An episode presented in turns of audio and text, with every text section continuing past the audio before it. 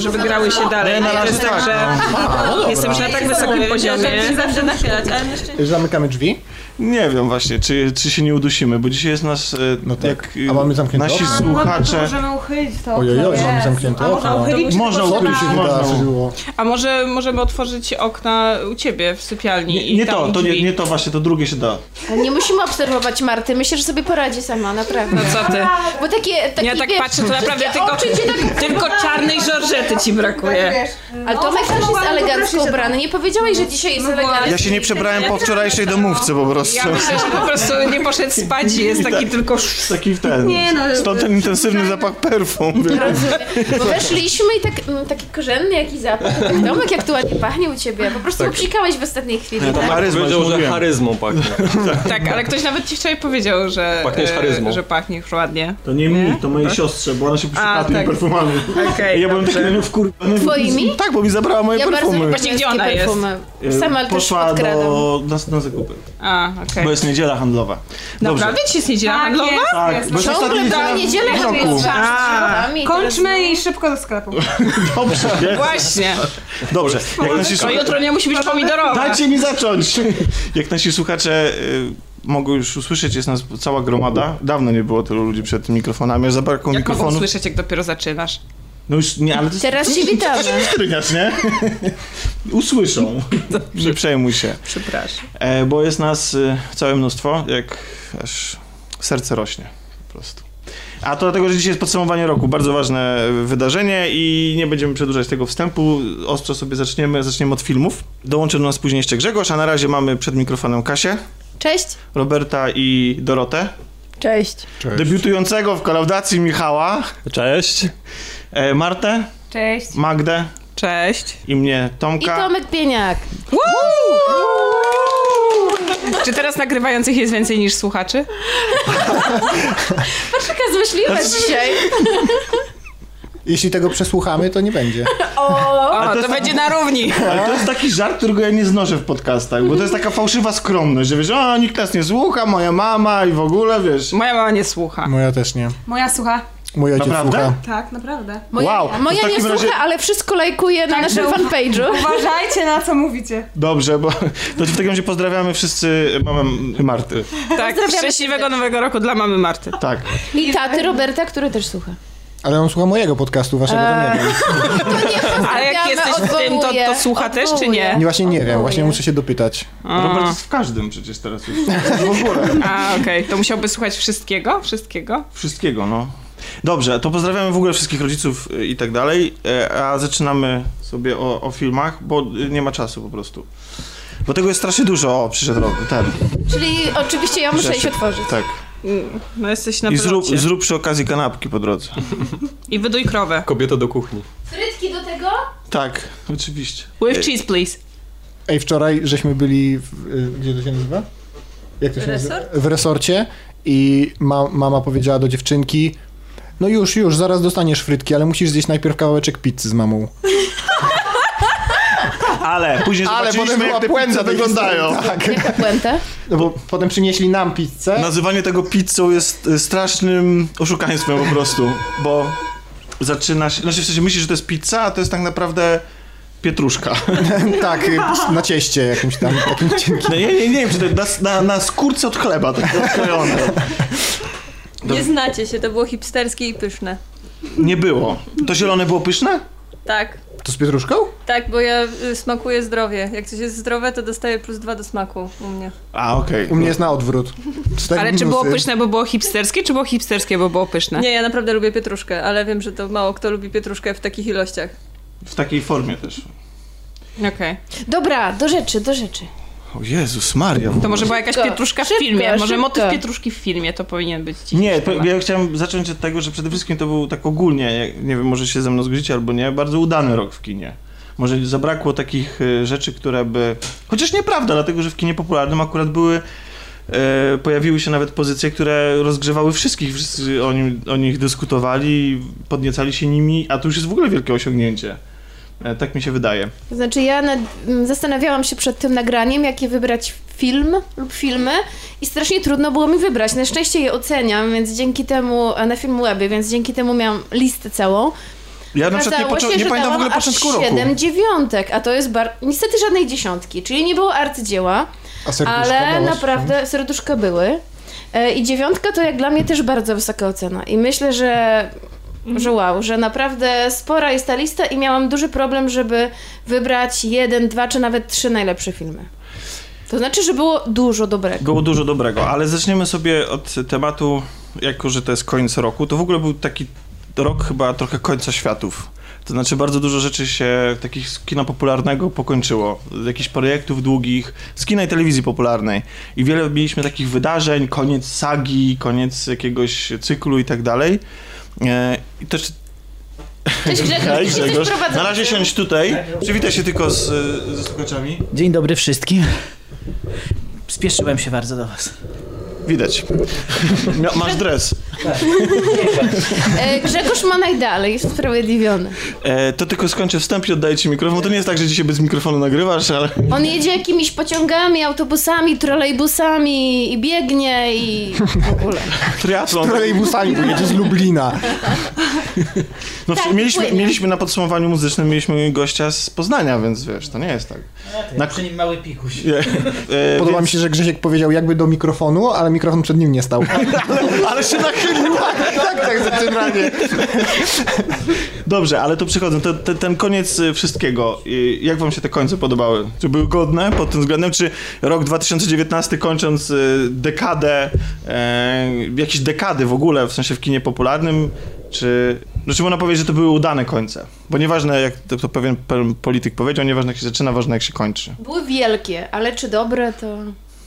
Dla mnie było okropne. Okropne. Nic ci się nie podobało. Nie, nie, nie że, że nic mi się... Ja, jak ja się cieszę, że jesteś, bo ktoś chociaż bardziej nienawidzi ode mnie tych rzeczy. E, rok 2019 dla mnie się będzie wiązał z najgorszym filmem e, ze Star Warsów, jaki oglądałem w życiu. Ze High wszystkich five. filmów. Totalnie. Ja uwielbiam, ja uwielbiam Gwie, Znaczy, Gwiezdne ale Wojny. widziałeś Atak Klonów, czy ominąłeś tak? Nie, Ale to było dawno. ale nawet tamten film, i, Wspomnienia bledną, naprawdę.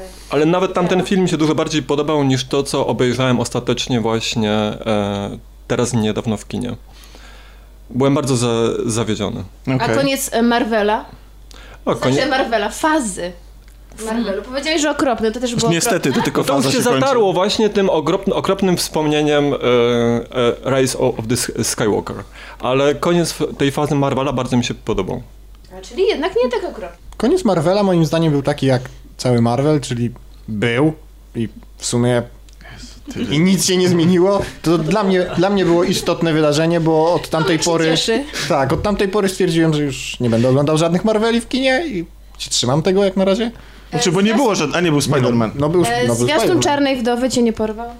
Wręcz przeciwnie. No nie, zupełnie. Jest bardzo, bardzo zły Tak, ten ja film będzie. Ja też mam dość Marveli, mimo że Tak. dla Spidermana zrobiłem wyjątek i też żałowałem, więc Okej, To tak- znaczy to ja, ja uważam, że, że Koniec Gry jest jednym z najlepszych filmów tego uniwersum. Mimo tego, że samego uniwersum, tego, znaczy nie, może uniwersum to nie ma nic do uniwersum, tylko w ogóle tego projektu. Nie jestem w ogóle miłośnikiem i wybiórczo filmy mi się podobają, natomiast jako całość jest to imponujące pod względem biznesowym i takim producenckim. Jest to przedsięwzięcie, na które Nie, no- tylko gigakorporacja mogła sobie pozwolić. No pod tym względem. Ale Tak, raz, no, że nienawidzę samego Disneya, tak w ogóle, po prostu jako korporacji, a dwa, że y, sam te filmy niestety nie, nie były najlepsze, ale przysięgam, płaczę po prostu na y, koniec, y, na koniec gry, czyli na endgame. Są sceny, które mnie wzruszają bardzo i uważam, że ten film jest... Te moje cierpienie w oglądaniu 22 filmów zostało nagrodzone w kinie w tym roku, jeśli o to chodzi. No ja też się wzruszyłam, muszę przyznać. I jak oglądaliśmy drugi raz e, u znajomego, e, dwie ostatnie części, to doceniłam je nawet bardziej niż wcześniej w kinie. Tylko jest... Okej, dobra. To jeszcze... Czy Ma- Magdaleno, ty masz jakąś opinię na ten temat? Jeżeli chodzi o Marvela, nie, bo ja się zatrzymałam chyba na Doktorze Strange'u, O, to był dobry moment, kiedy żeby się zatrzymać. bo... Najlepiej e, zanim się obejrzało ten film. Nie, ale to głównie dlatego, że po drugich Avengersach byłam tak zniesmaczona, że już myślałam, że nic nie obejrzę z Marvela. Tak bardzo nic. Ale jeżeli chodzi o koniec Star Warsów, no to bardzo mnie bolało, ale nie będę dzisiaj wylewać swojego jadu. Okej. Tutaj. Marty nie pytam, bo ona jest fanboyem e, Marvela i filmów komiksowych. No to w takim razie piątka, bo ja także. No, no nie jest właśnie, to był taki, na, na tym polegał dowcip, że... Tak, bo ona, jestem ona totalnie DC. Anty, tak. Ja jestem, e, e, opieram się na ramach e, rzeczywistości, dramatów psychologicznych, a a nie jakieś rzeczy- bajki dla dzieci. No To bagiet. cofam piątkę w takim razie. Dobrze, to już No. to kończymy szybko. Jeszcze na pewno ważnym finałem był finał, czyli ósmy sezon Gry o Tron. O nie, to Tutaj chyba roku. wszyscy są to zgodni. było. I tu są chyba wszyscy zgodni, że to są jakby... Niesamowite jest to, że o ile na przykład Marvel został zwieńczony tam lepiej lub gorzej, ale generalnie jakoś i można powiedzieć, że nawet jeśli ta marka nie będzie cieszyła się już taką popularnością, ludzie są trochę może wymęczeni superbohaterami i będą chodzili tam raczej na to bardziej e, już samo fani, a już tak może szeroko to nie będzie docierało, na co zresztą bardzo liczę. O tyle ósmy sezon Gry jakby zabił w ogóle tą markę, w sensie zainteresowania nią. Dla mnie po prostu ją ukatrupił. Tak totalnie jakby wy, wypłaszczył i wyprół wszystko, co było y, interesujące i nagle się okazało, że y, ludzie nie chcą nawet zabawek kupować, nie chcą w ogóle się podpisywać pod tym, że są fanami tej, tej marki. Czy też I chyba nawet nie czekają na spin-offy. no zresztą nawet jeden został ubity, bo podobno pilot miał taką dobrą jakość. A, to dlatego kupiłam popa z gry o Tron za dwa funty. No. no. rozumiem. O, a myślałam, że taka okazja. Joke on you! No ja nie, ja nie oglądałam w ogóle gry o Tron, wiem. No ja tak samo. Ani No jednego... to już nawet ja oglądałam. Nie, za dwa pierwsze Bo to, to, może, to może teraz się wypowiesz. Czy- Nie, ale bez, no właśnie ósmego sezonu nie, ja wytrzymałam do czwartego. Aha, okej. No, tak. A wy? Ja wytrzymałem do piątego chyba No je... i stwierdziłem, że e, Co za brak... trzy sezony. Ja Naprawdę ja obejrzałam wszystkie. No i co? I co? po co? Płakałaś? Nie, nie płaka... Ze wzruszenia? Znaczy, na pewno nie ze wzruszenia. Tam każdy odcinek był coraz głupszy, ale ja nie wiem, czy ja po prostu tetryczeję, czy po Nie, 30 to był kończy bardzo się życie. Ale, 30 sekund. ale po prostu wszystko mnie w tym roku zawodzi z takich rzeczy, na które czekam. W sensie zawiodła mnie Gra o Tron, zawiodło mnie Frozen, zawiodły mnie Star Warsy i po prostu Tak, ze to- to wszystkiego jest wychodzę, ze wszystkiego wychodzę to jest- zniesmaczona z kina albo po prostu sprzed telewizora i tylko łapię się za głowę, dlaczego to jest takie głupie. Kolaudacja, najbardziej hejterski podcast w polskim internecie. Polecamy. Nikt tak nienawidzi jak my. No i finał oczywiście Gwiezdnych Wojen, który rozpala wszystkich. Do Gwiezdnych Wojen sobie pewnie wrócimy, zobaczymy. Jak będziemy mieli siłę i czas w jakimś specjalu. I ochotę. Ja mam, bo ja na przykład uważam, że to jest tragiczny film, ale z każdym kolejnym seansem jakby akceptuję coraz bardziej decyzje twórców i rozumiem, dlaczego zostały takie podjęte i są one w jakiś tam sposób uzasadnione, ale to nie o tym. No to jest film, o którym nikt nie chce rozmawiać. O ile przy Bo wcześniejszym to Przegląd boli, Jedi no. gorące dyskusje rozpalały w ogóle sieć, to teraz mam wrażenie, że każdy mniej więcej zgadza się, że to jest bardzo nieudana rzecz i po prostu nie ma o czym Właśnie dyskutować. nie każdy. Przeglądam Twittera i tam jest pełno zachwytów. Tak? A, to nie Naprawdę, za więc to nie tak, że, e, że wszyscy nienawidzą. Opinie są podzielone, No jest właśnie spolaryz- bardzo są podzielone i to nie jest tak, że mało osób twierdzi, że to jest film średni. Albo ktoś jest bardzo zachwycony, albo zupełnie odrzuca. Poza tym. Dokładnie tak. Poza tym, jak e, głosi tytuł z jednej z książek e, nieznanego do niedawna w szerokim świecie pisarza fantazy, coś się kończy i coś, coś się zaczyna. Czyli A to oprócz... ten, co lubi brać pieniądze z góry. Tak. Przepraszam, jest na pierwszym miejscu e, najpoczytniejszych autorów na Amazonie. Jeszcze dzisiaj sprawdziłam, bo aż nie wierzyłam. No bo tak, to tak, prawda. i to jemu należy się Nobel, a nie tak. A nie to Tego mema.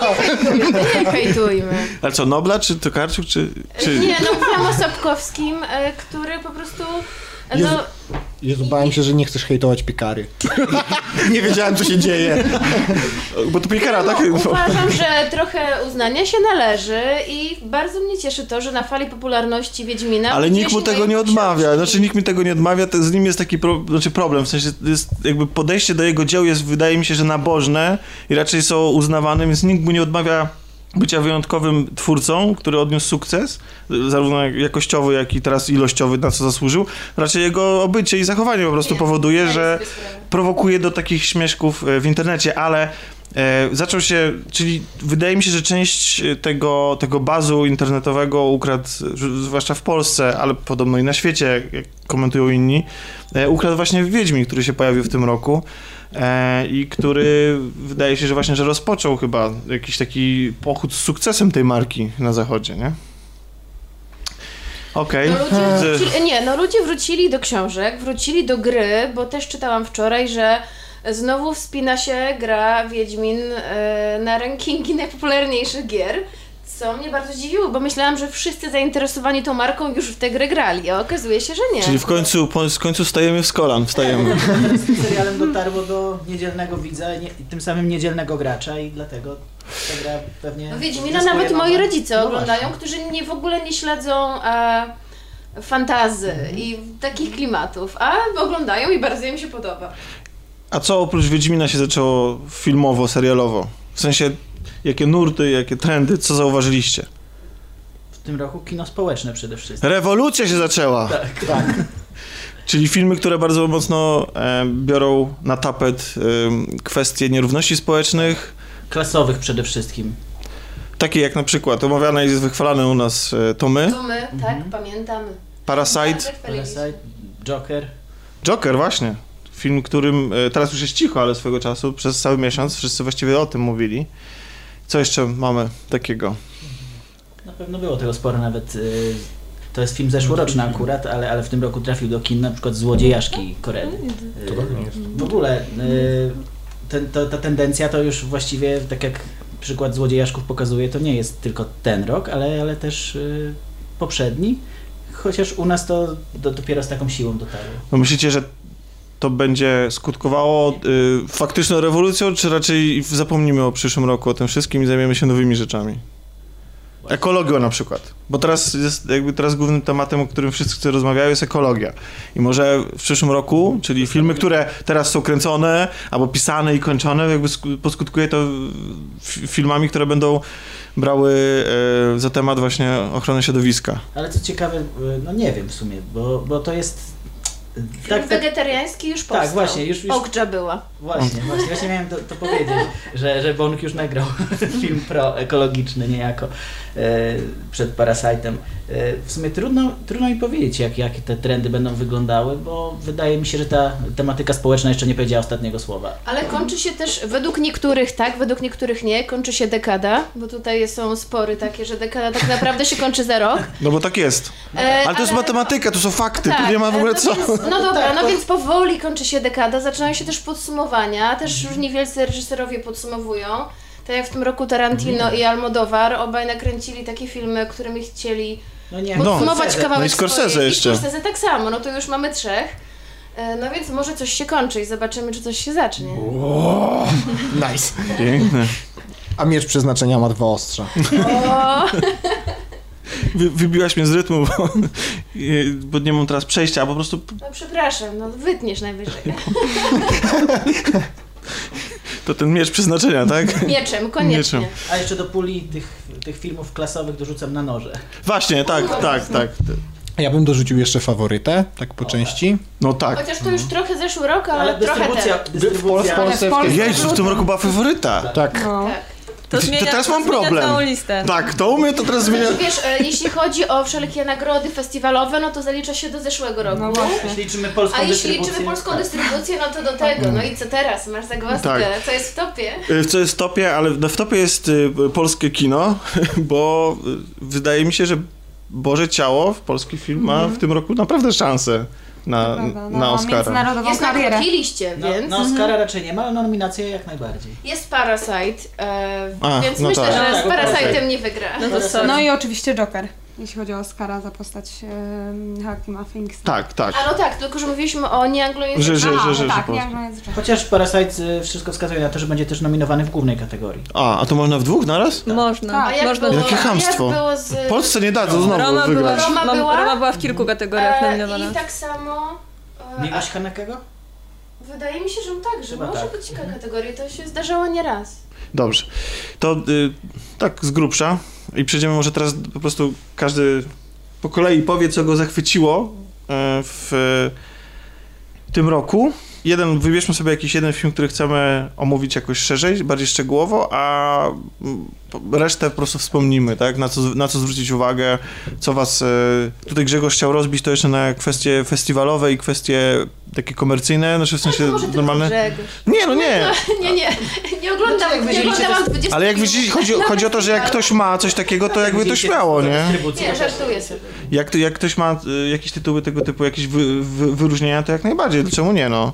Ja na przykład jestem, ja na przykład bym chciał wyróżnić animację, Animację, która w ogóle zawędruje, ja nie wiem, czy ona była w kinach, ale ja ją obejrzałem na Netflixie i to jest animacja bardzo w starym stylu, w starym duchu, ale jednocześnie tak niesamowicie mnie ujęła i to jest Klaus. Tak, to jest premiera Netflixowa. Tak. I ja widziałem w tym roku Toy Story 4, ja kocham każde Toy Story, ale Klaus jest po prostu czymś nowym, czymś takim skrojonym według schematów, ale jednocześnie takim dobrym, w sensie takim, który się y, przyjemnie... Właśnie, mam wiadomość od Piotrka.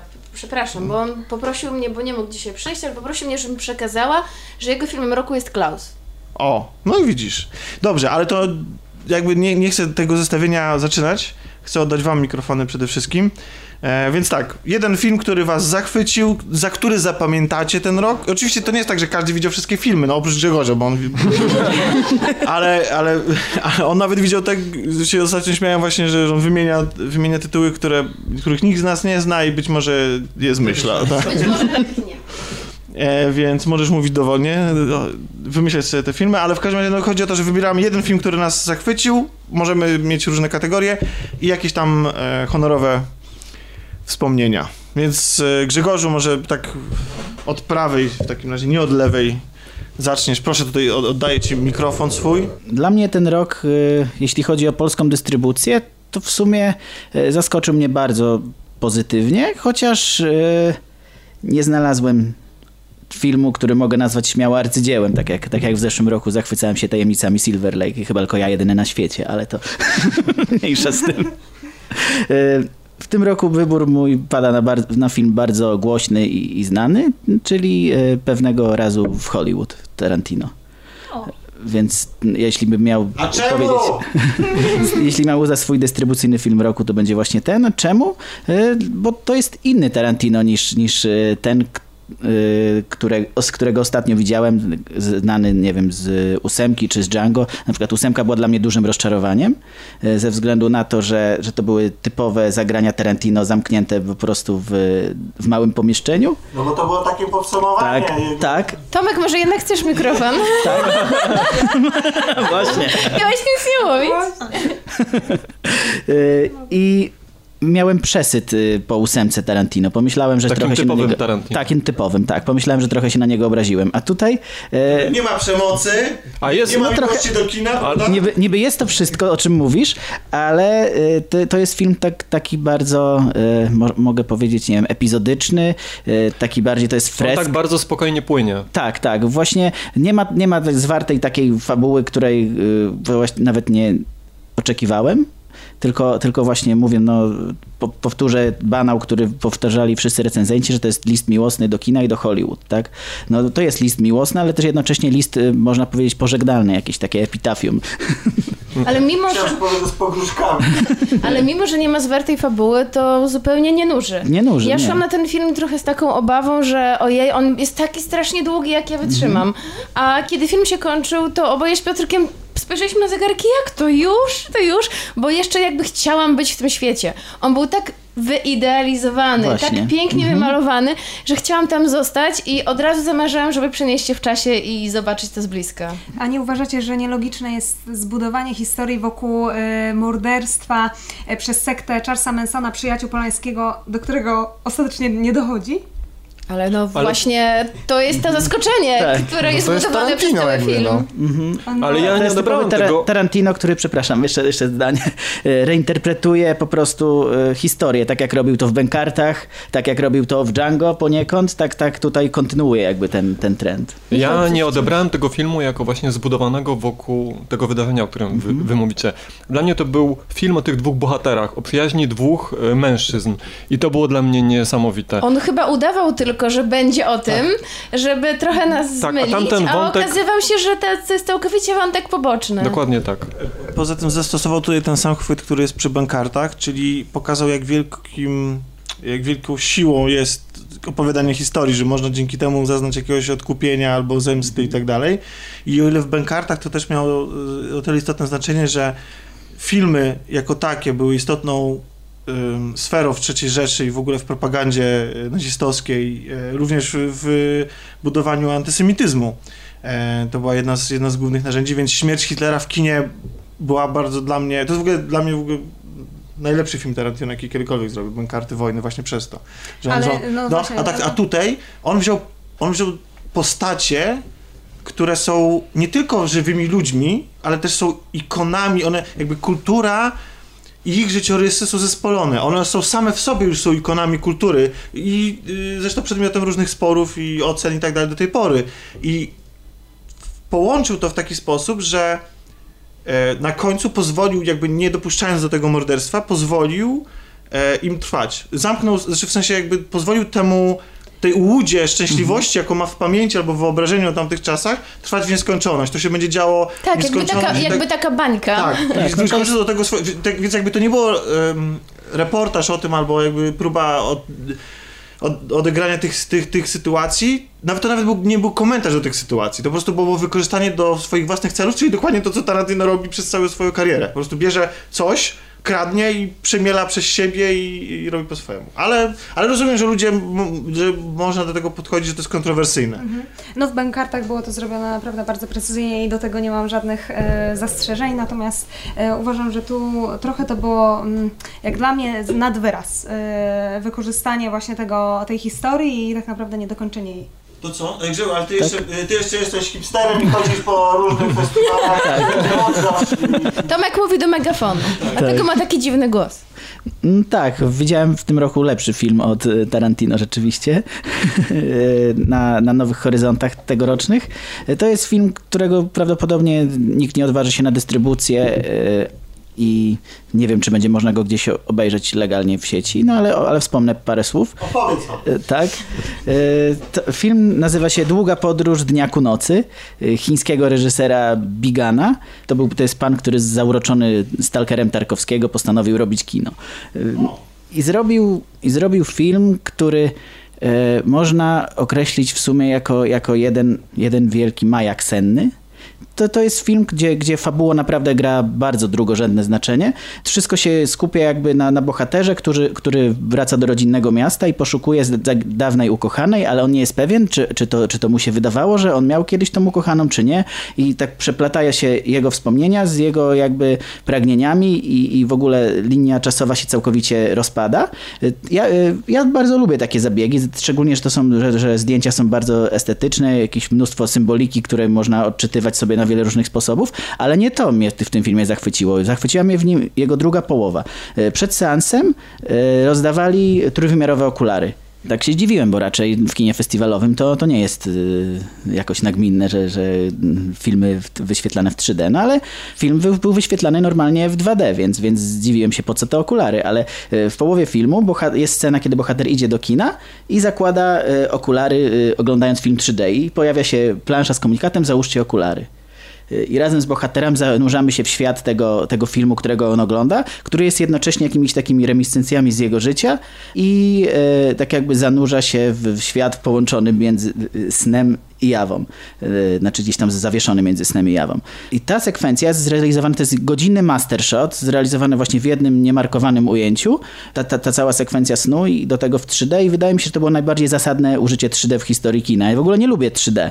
E, Nie lubię tego efektu. E, Jeśli ma tam być jakimś takim podbudowującym... to dzięki temu 3D czułeś, Tak. że jesteś bardziej Tak, czułem, że jestem bardziej właśnie. Zanurzony Mhm, bardziej, tak? Tak, tak. I to właśnie tutaj 3D to, to był zabieg taki bardzo imersyjny. I ja tam się czułem razem z tym bohaterem, szczególnie, że kamera cały czas śledzi e, go z zapleców właściwie w tym, w tym długim ujęciu. A to nie jest tak, że on w tym jednym długim ujęciu tylko siedzi i gada. Tam, tam naprawdę się dzieją rzeczy czasami rodem z kina akcji, więc, więc naprawdę to jest i technicznie bardzo wymagający film i, i do tego właśnie taki, taki noirowo-senny klimat też mnie w nim urzekł, więc jeden z chyba z lepszych filmów, dlaczego jaki widziałem. powiedziałeś, że e, nie, nie odważą się polscy dystrybutorzy e, wyświetlić To znaczy- tego filmu w kinach? Bo to jest kino bardzo takie w- arthouse'owe mocno i wydaje W mi się... Muranowie nie ma 3D. Nie, chyba, chyba nawet widziałem w Muranowie coś w 3D, chyba Love Gaspara Noe. Czyli jest. Tak, tak, y, ale, ale wydaje mi się, że no, film by nie zarobił nic, bo raz, że kino azjatyckie, chociaż Parasite trochę odczarował kino az- azjatyckie jakiejś takiej szerszej publiczności, wydaje mi się. Po drugie, no, kino, które właściwie nie ma fabuły, tylko, tylko ciąg surrealistycznych symboli, no to, no to by poszło na to może z, nie wiem, z 40 osób. No i co zrobiłeś? Teraz wszystkim smutno, że nie zobaczyli No tego ja, filmu. i... ja się czuję tak zachęcona i no mam nadzieję, że jednak może kiedyś. Może tak, no miejmy nadzieję jakieś, może jakieś pokazy specjalne, czy... Czyli mówisz, że dla fanów psa andaluzyjskiego. No tak, tak, też te, te klimaty jak najbardziej. Buñuela też tam trochę Czy, znalazłem. czy masz jakieś y, honorowe wspomnienia? E, honorowe wspomnienia. No, e, bardzo, bardzo polubiłem też e, wspomniany Parasite, który też, też, mnie, też mnie urzekł i tak jak powiedziałem, właśnie pokazał, że, że kino azjatyckie, szcz- zwłaszcza koreańskie, może być jednocześnie bardzo przystępne, a, a z drugiej strony bardzo szalone i myślę, że ten film wśród nawet moich znajomych, jak go polecałem, polecałem takim niefilmowym moim znajomym, to, e, to bardzo im się podobał i byli mi wdzięczni za, za polecenie ludzie, którzy oglądają e, filmy, nie wiem, raz na miesiąc. Dobrze. Kasiu, to może ty masz chociaż jakieś filmy, co wszyscy widzieli i nie będę zazdrościć. A ja bym chciała poprosić, żeby żebym mogła powiedzieć później, za chwilę, bo ja, ja od rana, odkąd się obudziłam, myślę o tym, który film mam wymienić i się nie mogę cały czas zdecydować. Okay. Jeszcze A potrzebuję jeszcze nie koło... ra- widziałaś futro na misia, E, czy tam z misia i tak, nie właśnie. chciałabyś krzywdzić tego filmu. E, Jeszcze koło ratunkowe wybieram, czyli poczekanie jeszcze za 30 minut. Dobrze? Posłucham, co inni powiedzą. Nie, po prostu, może po prostu akurat już te filmy zostaną wspomniane i zostanie I mi ten powiesz, jeden. ja się dołączam. Nie, no wiesz, że ja bardzo lubię mówić, dobrze. ale zostanie mi ten jeden, który, między którymi się akurat waham. Dobrze. No to Robert, y, ty masz y, utrudnione zadanie.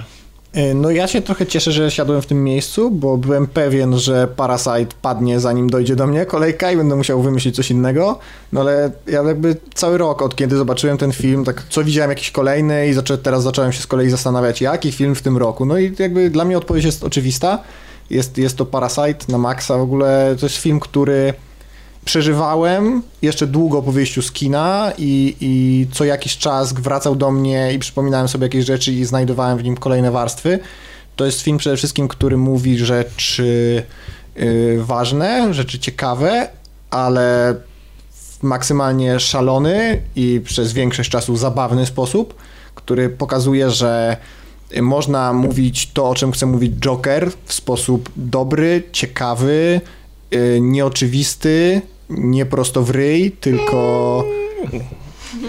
Wiesz, wiesz, Przepraszam, jest, nie, bo nie powinniśmy jakby negować cudzych wyborów, to jest Wiesz, to ale jest- w sensie takim, że, że on nie jest aż taki nieoczywisty, nie? Znaczy, ta, z jednej strony tak, ale w porównaniu z Jokerem, to jakby, nie, no wiesz, dobrze, no to zupełnie inna klasa Tak, tak, kina, tak, jasne, właśnie, właśnie tak, ale od razu, właśnie jak zobaczyłem Jokera, to tak sobie o nim myślałem i stwierdziłem, no w sumie spoko, a potem sobie przypomniałem, że da się to zrobić dużo Jasne. lepiej. Jest dużo lepiej, ale wydaje mi się, że że jest jednak dość oczywisty, bo jest taki poziomy podział, jest góra, dół i jakby no... No ale no nie, no ale to jest, ale do, nie, dobra, okej, to umówmy się, że nie neguję, sorry, ja Ale ja nie neguję, mi ten film bardzo się podoba. Ja wiem, ale chodzi o to, że no jak, ja wiem, ale teraz rozmawiamy o takich turbo osobistych reakcjach, nie? Więc Okej. jakby nie da się tego Dobrze. wytłumaczyć, że ktoś woli ten albo ten, więc przepraszam. Znaczy, wiesz, dla mnie to jest przede wszystkim film, który przez cały czas jakby trwania ja się zastanawiałem, co on właściwie ma, ma ostatecznie do powiedzenia, bo na początku tak na niego patrzyłem tak sobie myślałem, kurczę, czy to przypadkiem nie jest opowieść o tym, że jak ktoś jest, że bidakom nawet jak dać pieniądze, to i tak przejedzą i przepiją i właściwie, właściwie no nie, zmieni, nie zmienisz tutaj niczego. Potem się nagle okazywało, że kompletnie nie o tym, że on mówi zupełnie coś innego, a potem na koniec dostajemy taki, taki piękny montaż e, takiego zaprzeczenia tego, że jesteś kowalem własnego losu. Tego, że, że, że film ci pokazuje, no, no jasne, jasne, teraz weźmiesz, zarobisz, kupisz, kupisz posiadłość, nie ma problemu. Tak, no. Okej. A Właśnie, masz jakieś tym- jeszcze y, rzeczy, które o których chciałbyś wspomnieć? Albo jakieś kino festiwalowe? Ja na pewno y, chciałbym wspomnieć film, który zrobił na mnie bardzo duże wrażenie jako film taki mocno rozrywkowy i o którym nie mówi się jakoś specjalnie dużo, mam wrażenie. I jest to film... Hobbs i Show. i- nie, jest to film Rocketman. O Eltonie jest to Johnie. jeden z filmów, który ma, jest na mojej krótkiej liście na dzisiaj. I tutaj wydaje mi się, że on będzie jeszcze poruszany przy tym stole Tak. za Cieszę się, chwilę. że o nim wspominasz, bardzo się więc nie będę o nim mówił dużo, ale to jest w ogóle świetny przykład tego, jak można zrobić naprawdę. Jak można fajnie ograć biografię, jak można się bawić tym, co twórca już tworzył, opowiadając o tym, jak to tworzył. I No w końcu sam go wyprodukował. no, to swoją drogą, nie? No ale... To wie najlepiej, No ale nie? masz na przykład Bohemian Rhapsody, które... No właśnie, nie? Stoi na zupełnie przeciwnie. Tak, dokładnie, prawda? dokładnie. Tak, i prawdopodobnie Bohemian Rhapsody będzie miało, czy ma więcej nagród niż dostanie Rocketman i to jest smutne i też ze względu na to, jak chciałam poruszyć ten film, mimo że nie nazwałabym go moim ulubionym filmem tego roku, ale Mówisz o uważam, Rocketmanie. że tak, o, że Rocketman powinien, jakby powi- powinniśmy więcej o nim mówić, żeby on został zapamiętany, bo on może łatwo zginąć w tym roku. I dlatego o nim chciałam wspomnieć. Czy to jest musical? To jest musical, ja o tym nie wiedziałam idąc do kina. Znaczy chyba dowiedziałam się dzień przed i w ogóle y, A to jest spodziewałam musical się... taki, w którym są... E, że ludzie idą ulicą i nagle zaczynają śpiewać, czy to jest taki musical, w którym ma po prostu mud, m- Nie, no to jest moment... film muzyczny. Łączy Film muzyczny Właśnie. i Tak. musical w jednym. Bo, bo ja myślę, że ludzie się, że ludzie się go boją ze względu właśnie na to, że to jest, że myślą, że to jest musical.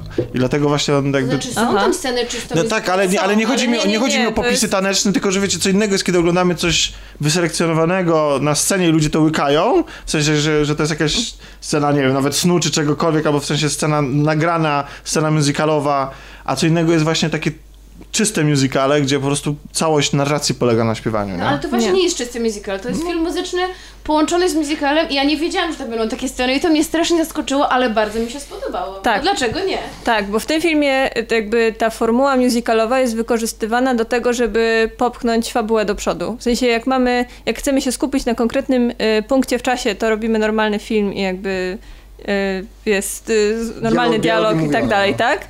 E, Natomiast jeśli chcemy pokazać upływ czasu i na przykład y, surrealistyczne w ogóle sceny y, typu z, podko- z podkroplówki na scenę, jakby to, to to jest przyspieszone dzięki temu, że dzięki wykorzystaniu tej formy i to jest moim zdaniem zrobione perfekcyjnie. I tam jest dużo Plus takich... retrospekcje są jeszcze Tak. musicalowe. Tak, i jest kilka takich brawurowych pomysłów, które wydaje mi się, że no, świadczą o tym, że to jest film zrobiony z sercem, że nie jest wykalkulowany pod y, jakby zarobek, tylko, y, tylko nie wiem, czy producenci, czy, czy reżyser, czy ktokolwiek z twórców uparł się, że to musi być tak zrobione, mimo że może można byłoby to zrobić łatwiej, ale nie, robimy to na pełnej. Także jest y, moim No, zdaniem Elton niektóre John lubi pomysły... przesadę, kicz Tak. i popisówę, więc... No ale wiesz, jak robisz film o Eltonie Johnie, to właśnie robisz taki film, No, nie? nie, jasne, No, jasne. a- no właśnie, Tak. a No to często właśnie dzieje on, się taki tak... był. No, Tak, i jeszcze chciałabym dodać to, że, że ja osobiście nie jestem jakąś wielką fanką Eltona, ani nie jestem w ogóle fanką musicali yy, i Nie lubisz Królowa po prostu. lubię oryginalnego Króla Lwa, tak? Który jest dla mnie nierozerwalnie No związany z właśnie, była ta, Jest, jest związane, to y, ten prawda. live action w tym roku. No, No ale to- może, może ktoś wymieni, no nie To, wiem. to jest twój, śmiało, proszę. Nie, bo to, bo przypomniało mi się teraz, bo mówicie, że królewto i przypomniało mi się, że były te zawody roku i sobie myślę, te jeszcze to było. To też No. rozczarowało. No, Tak. tak, dużo, dużo rozczarowań.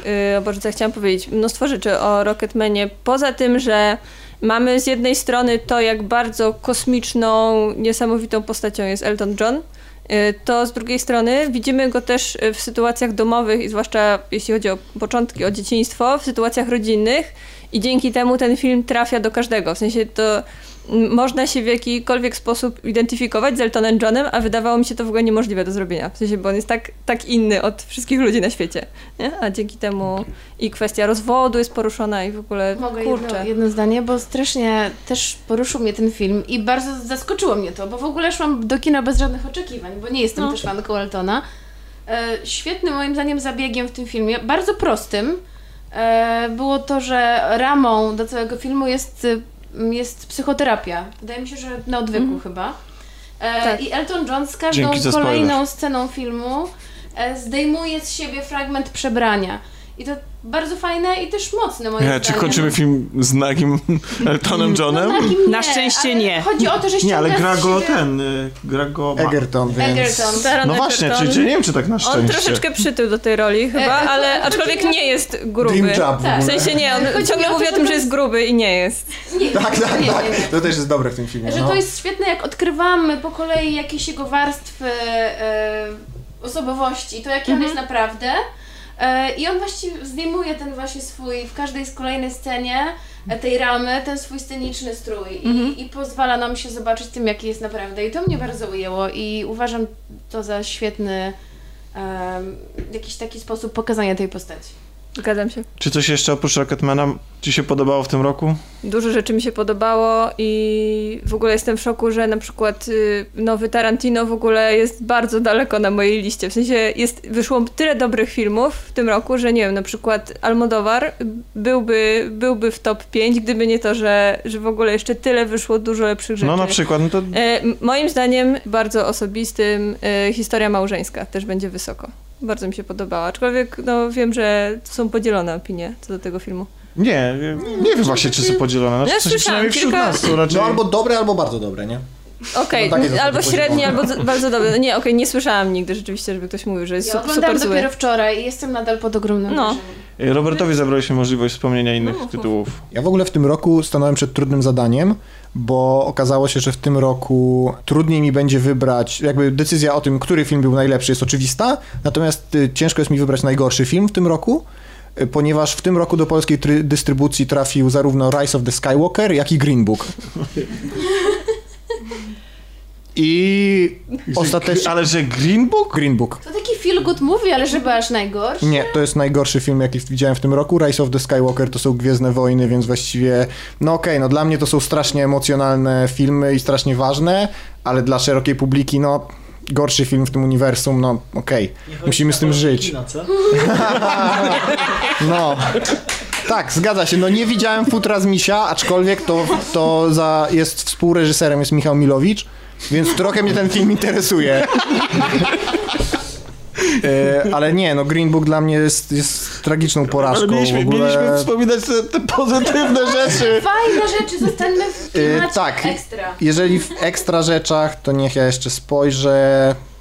Pewnego razu w Hollywood, ale moim zdaniem temat został wyczerpany. To jest w ogóle film, który trwa 2,5 godziny i ja przez połowę tego filmu siedziałem na skraju fotela i ja nie wiem jak on, Ja ja, mus- znaczy, ja wiem jak on ja to zrobił, ale on nie trwał wiem- 70. Tak, tak. A podobno ma być jeszcze dłuższa Side- wersja W sensie tego godzin, filmu. czy... Tak, sie, 70 godzin z sidequestami. Tak, E, na maksa. W misjami ogóle, To pobocznymi. temat. tak, w. Gdzie nie ma... Ma być miniserial, takie Tak, się cztero, od, czteroodcinkowa chyba na Netflixie ma się pojawić. tak, bo tam w ogóle Tim Roth został wycięty.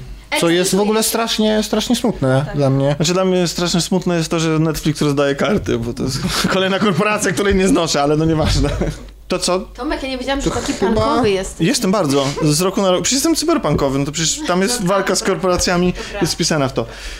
To co? Jak się coś jeszcze przypomni, to, to na samym końcu jeszcze damy wszystkim No szansę, żeby... ewidentnie Tomek coś chcesz wycisnąć jeszcze tutaj, ale Ale nie, nie, no nie, nie, dobra, jak się coś jeszcze przypomni, to... to, to, to, Będziemy komentować tak. na bieżąco. Michale. A Dorota, ty nie chciałaś jeszcze czegoś? Właśnie. Ja już I powiedziałam. O filmie powiedziałam. Nie, nie, powiedział kilku. Nie, powiedziałam jeszcze o O historii małżeńskiej. Spoko. Spoko. Dorota jeszcze się dzisiaj nagrada. nie, o widzę, patrzymy na nich, tak chyba jeszcze chcą coś powiedzieć. No powiedzcie Widzę, bo- to, powiedzcie to. Ja się nagadałam w części muzycznej, więc w ogóle Ale nie, nie, nie, nie, jestem bo, bo oni nawet. przygotowali sobie notatki właśnie i tak wiesz, patrz teraz. No Właśnie zawsze te notatki są takie grube, że się zdziwiłam, że tak mało. Słuchaj, no najwięcej mogę powiedzieć o Green Booku, ale, ale zostawmy ten temat, bo ja, ja, ja sobie przypomniałem ten film i po prostu jestem cały zły. No dobrze, dobrze. Eee, nie, no to chyba, chyba, chyba tyle. To dajmy gościowi się Irlandczyk. Irlandczyk był bardzo fajnym filmem w tym roku, ale nagadaliśmy Już się się o nim tak, już. ho. rozmawialiśmy. Michale, Mm, Ja powiem krótko. Ja mam trzy takie filmy, o których chciałbym wspomnieć. Ten, O który... nie. Ten, gadaliśmy. O nie. ten film, który wzbudził we mnie największe emocje w tym roku i był taki najbardziej wstrząsający dla mnie i pamiętam go do tej pory, to jest Living Neverland. E, Dla mnie kiedyś Jackson był bardzo ważną po czyli dokument. postacią. Tak. E, Czyli serial dwuodcinkowy. Tak, taki miniserial dwu, dwuodcinkowy. Dla mnie to było niesamowite słuchać opowieści tych dwóch chł- chłopaków. Do tej pory, jak wspominam so, sobie ten film, to on wzbudza we mnie e, bardzo duże emocje. Uważam, że został niesamowicie zre, zrealizowany. Myślę, że dla naszego pokolenia, jakby co tutaj młodsi i starsi, ale generalnie jesteśmy około gdzieś 30, to albo bliżej, albo dalej. Niektórzy No nieważne, tak jest, tak jest, cicho. No to A jednak, niektórzy już to po. jednak Michael Jackson no, jest dla wszystkich ważny. Ten dokument jest mega wstrząsający i to jest, on jest świetnie wyreżyserowany, zmontowany jest perfekcyjnie. No właśnie. Tam wszystkie informacje, wszystko jest podawane tak dokładnie w tym momencie, kiedy powinno być. Tak. I to jest, i on, on, on nikogo nie może pozostawić obojętnym, bo doskonale rozgrywa nasze emocje. I chyba ta doskonałość tych rozgrywania tych emocji trochę dla mnie jest y, przeciwko temu y, dokumentowi jakby prze, Właśnie, przemawia. Jest troszeczkę manipulacją. E, Znaczy, no nie, bo nie, nie, nie tak, ale jakby jeśli chodzi o sam temat, i to jest absolutnie, to rozumiem dlaczego ten wybór. Na nagraniu tego nie widać, ale jak Tomek mówi, to ja cały czas kiwam głową, już się z nim zgadzam. tak, no mm, ja nie mam może takiego spojrzenia jak ty, ale w sensie takiej wiedzy, ale dla mnie ten dokument był niesamowity i w- trakcie ogl- oglądania czułem niesamowite emocje. Ja Jacksona zawsze broniłem w, w przyszłości, jak były tam różne wywiady z nim i te oskarżenia i tak dalej, więc teraz jak usłyszałem tych dwóch dorosłych już mężczyzn, którzy opowiadają o tym wszystkim, co przeżyli i jakie ślady w nich to pozostawiło i to, że oni już intelektualnie wiedzą, że zrobiono im krzywdę, ale emocjonalnie tak nie do końca, bo wspominają to jako coś dobrego, to dla mnie to było nie, niesamowite i dla mnie to był największy i najlepszy właśnie film, który oglądałem w tym, w tym roku. Natomiast o dwóch innych jeszcze filmach chciałem wspomnieć. Jeden, który już mi Grzegorz ukradł, to Once Upon a Time, e, który z jednej strony dla mnie jest zupełnie innym filmem, tak jak Grzegorz to, to powiedział, niż tarantinowskie, ale z drugiej strony widać w nim bardzo wyraźnie rękę ujęcia, prowadzenie kamery bardzo tarantinowskie. E, I ta przyjaźń tych dwóch facetów, e, męska taka przyjaźń, bardzo mi się podobało, jak on to e, świetnie pokazał. Też się nie nudziłem ani chwilę na, na tym filmie, żałowałem, że się skończył i bardzo się cieszę, że być może kiedyś zostanie udostępniona dłuższa wersja. A ostatnim filmem, jako jedyny prawdziwy tutaj fan Marvela, to jest dla mnie Endgame. No i to w sumie tyle, co chciałem A powiedzieć. propos y, przyjaźni męskiej, to w Rocketmanie też jest bardzo fajna męska przyjaźń, zapomniałam tego dodać. A to też istotny, może to jest kolejny temat przewodni tego roku. Męska przyjaźń. No, Znaczy, Rise of the Skywalker. Tak, znaczy właśnie tak, bo jakby do tego ja też pozwoliłem sobie na, na, na taki komentarz, że bo były jakieś oczekiwania od strony fandomu albo twórców fanfików, jeśli chodzi o Gwiezdne Wojny, że Fini po, y, ponieważ mają taką, wielką, taką ogromną chemię między sobą, y, że ta ich znajomość powinna się zakończyć romansem, takim ekranowym. E, Ja się cieszę, że się nie zakończyła, bo to jest y, przykład męskiej przyjaźni, która nie jest oparta na szorstkości, dogryzaniu sobie i udawaniu, że się siebie nie lubi. Co zresztą w kinie się świetnie sprawdza, bo nadaje dynamizmu i ja uwielbiam buddy movies właśnie typu tam Zabójcza broń i tak dalej, które właśnie na tym polegają, że oni się kochają, ale tak naprawdę, no ale do końca nie mogą tego, e, tego wyznać. A ci właściwie tego nie ukrywają, lubią się i ta ich przyjaźń się nawet opiera na kontakcie fizycznym. Oni się poklepują, przytulają i nie wstydzą się tego, a kino tego unika i pokazuje mężczyzn właśnie.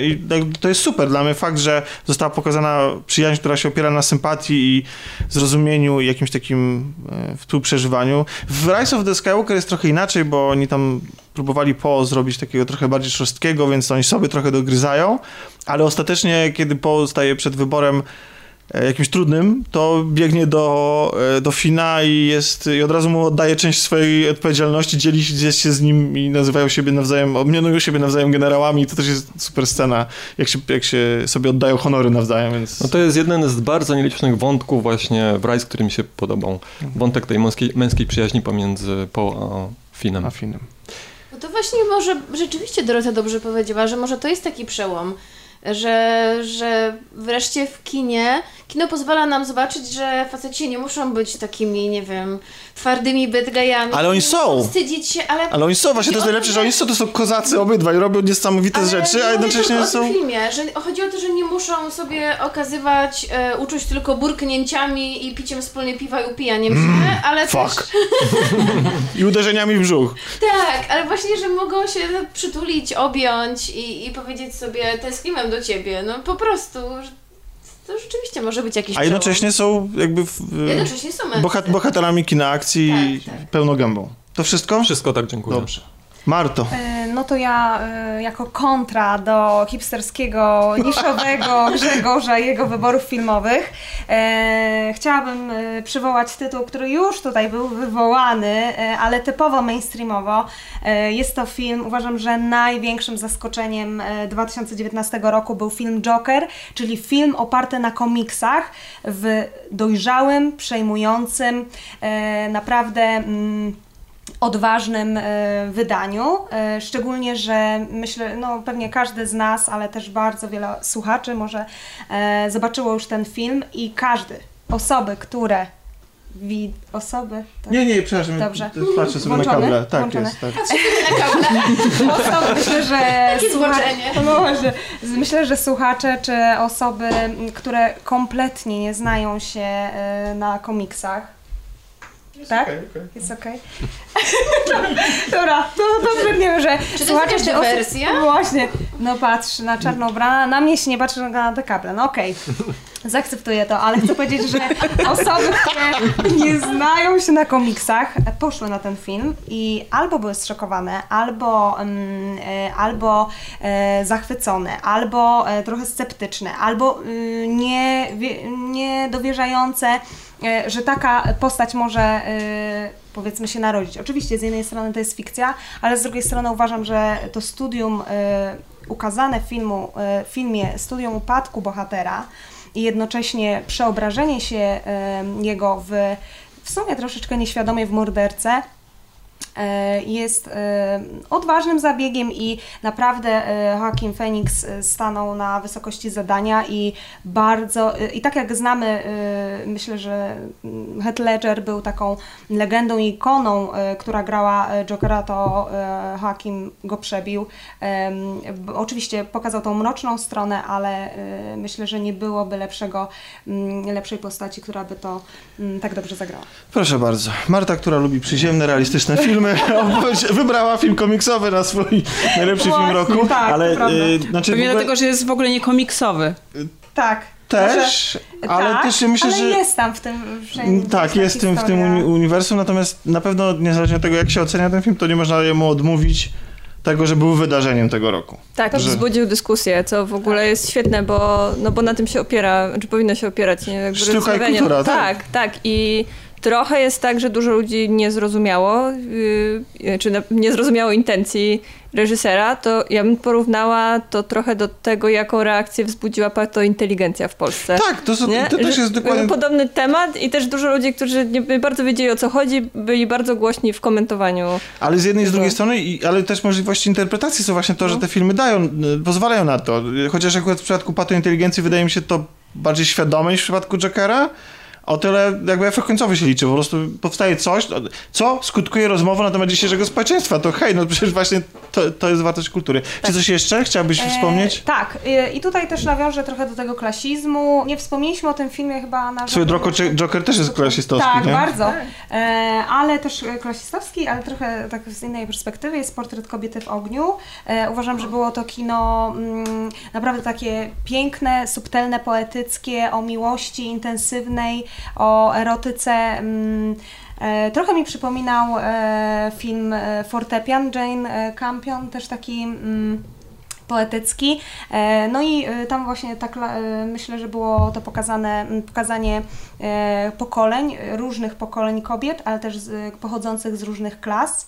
E, Ale z drugiej strony jak, mm, uczucia, które ich łączyły, były bardzo uczucia i pragnienia były bardzo współczesne. Magdaleno, czy coś jeszcze? Wow. Nie, nie, myślę, że to. Reszta a, to- no to dobra, śmietnik. Nie byłabym sobą, gdybym nie powiedziała o polskim kinie. No właśnie. E, bo oglądam, znaczy oprócz e, Bożego Ciała mm, też dobrym filmem była Zabawa Zabawa w reżyserii King, Kingi Dębskiej, to było na początku roku, znaczy podej, podejmowany jest tam temat e, alkoholizmu kobiet, bardzo dobre role, e, bez e, zbędnej, e, zbędnego epatowania ironią w filmie. Mm, Chyba, Myślę, że, warte- chyba, że mówimy o roli policjantów. Bo, bo oni tam byli takim comic reliefem z trochę z innego filmu, nie? Tak, ale, e, ko- Ale nie, ale główne role jasne. główne role świetne. Jasne. Magdaleno, Szczerze powiedziawszy, nie wiem, jak miałabym e, teraz coś powiedzieć po tych a wszystkich to powiedz, pomyśl, co bo- Kasia ma do powiedzenia, nie? Właśnie, Bo e, na koniec naprawdę, naprawdę nie wiem, jak miałabym w ogóle doskoczyć do, do tej poprzeczki, która tutaj została postawiona. Szczególnie, że ja tak naprawdę do oglądania filmu wróciłam dopiero w drugiej połowie roku i miałam dużą, dużą przerwę.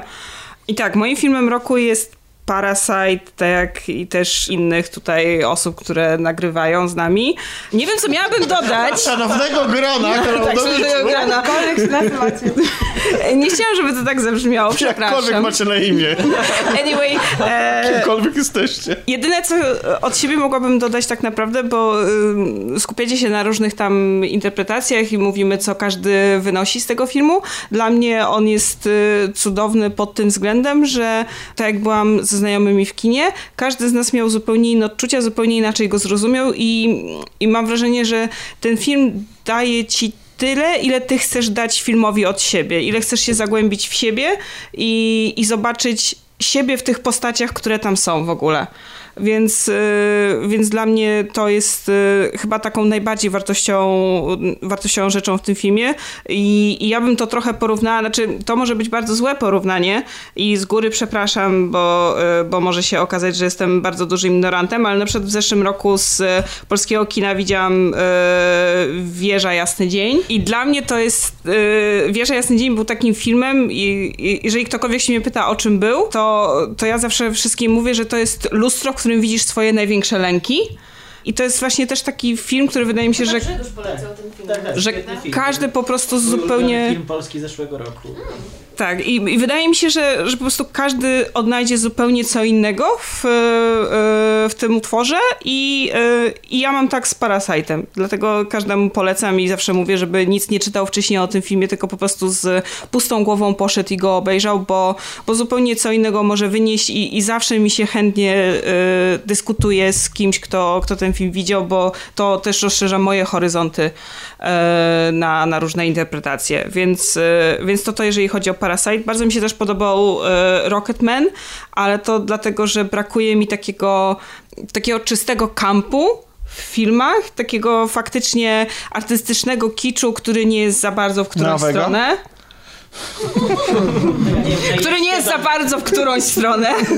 tak, tak skończyłam zdanie. Musi być świadomy, a pan Vega chyba nie do końca wie, że tworzy kicz. I, I tutaj też y, mam może bardzo nietrafione porównanie, e, znaczy na pewno gatunkowo zupełnie nietrafione porównanie, bo e, dla mnie takim też y, przykładem tego, kiedy mm, różne rzeczy się świetnie ze sobą łączą, był pierwszy Pacific Rim gdzie y, kino dotyczące wielkich robotów było wystarczająco japońsko-kiczowate i wystarczająco efektowne, efektowne amerykańskie w tym filmie. Było tak, W takim rozkroku pomiędzy powagą, a tak, znaczy... że bierzemy to na serio, a W sensie, bawimy się. nie, nie, są to, y, nie są to Transformersy, które mają multum wybuchów, a i tak najważniejsi są amerykańscy Marines i nie są to japońskie animacje, gdzie najważniejsze są jakieś pseudouczucia i, i nie wiem, i taki idealny miks obydwu tych kultur, jeżeli chodzi o, y, o, o Pacific Rim, to jest naprawdę dobry film o, o dużych robotach, tak?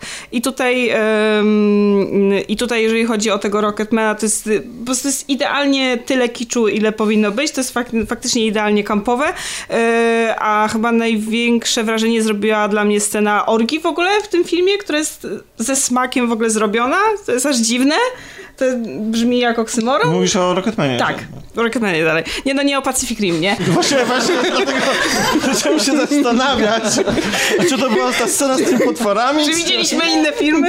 Nie czytałam jeszcze fanfika Ani Nowak, nie wiem. Ona pisze fanfika o Pacific Rim, być może są tam jakieś Tak, trzeba się zapoznać. A na koniec y, z takich rzeczy, bo mówiliśmy o tych zawodach i, i przypomniało mi się o Królowie, który mi się nie podobał e, i patrząc na to, że mój mózg ma zawsze bardzo dziwne połączenia, przypomniało mi się, że za to był jeden Disney, e, który mi się podobał i jest to jedyny Disney... Aladdin? Tak, jest to jedyny aktorski Disney, który naprawdę mi się podobał i jest to Aladdin.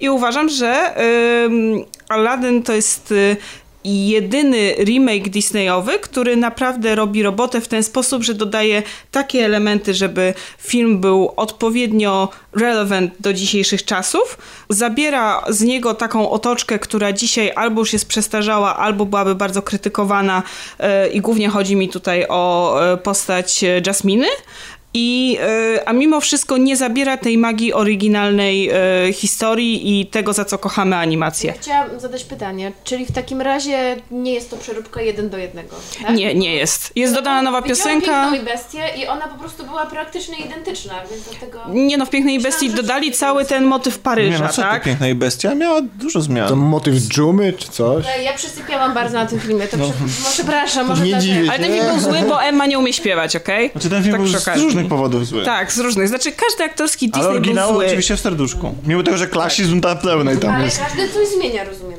tak? Tak, każdy coś zmienia. Każdy ten aktorski Disney coś zmienia i wydaje mi się, że Aladdin jest jedyną dobrą zmianą, jeżeli chodzi o, o te aktorskie Disneye i bardzo jest mi przykro, że yy, nie przyniesie tyle pieniędzy korporacji, ile na przykład Królew, który jest dużo gorszy, jest straszną abominacją i, I po prostu mam wrażenie, że teraz Disney nie odważy się znowu zrobić dobrych zmian w swoich aktorskich wersjach. Bardzo, bardzo mi się, przepraszam, to jest taka mała delikatna dygresja. Widziałem ostatnio jakiegoś mema, że to nie mem, tylko, że John Favreau, który przywrócił chwałę Gwiezdnym Wojnom, ponieważ zrobił serial Mandalorian e, i, e, i tam wymieni, a przede wszystkim stworzył Ironmana, odpowiada za sukces MCU i jak do, on też zrobił przecież Króla Lwa. I tak, zrobił co mógł przy Król Lwie, tak jakby, jedyna jego porażka, ale tak jakby, no ale mógł, zrobił co mógł. Znaczy, to on odpowiada za, stronę tego, za to, za to, jak ten film wygląda i wygląda okropnie, no. Jeszcze tylko skomentuję tego Aladyna, bo ja się nie znam na, tak jakby na tych aktorskich y, interpretacjach Disneya,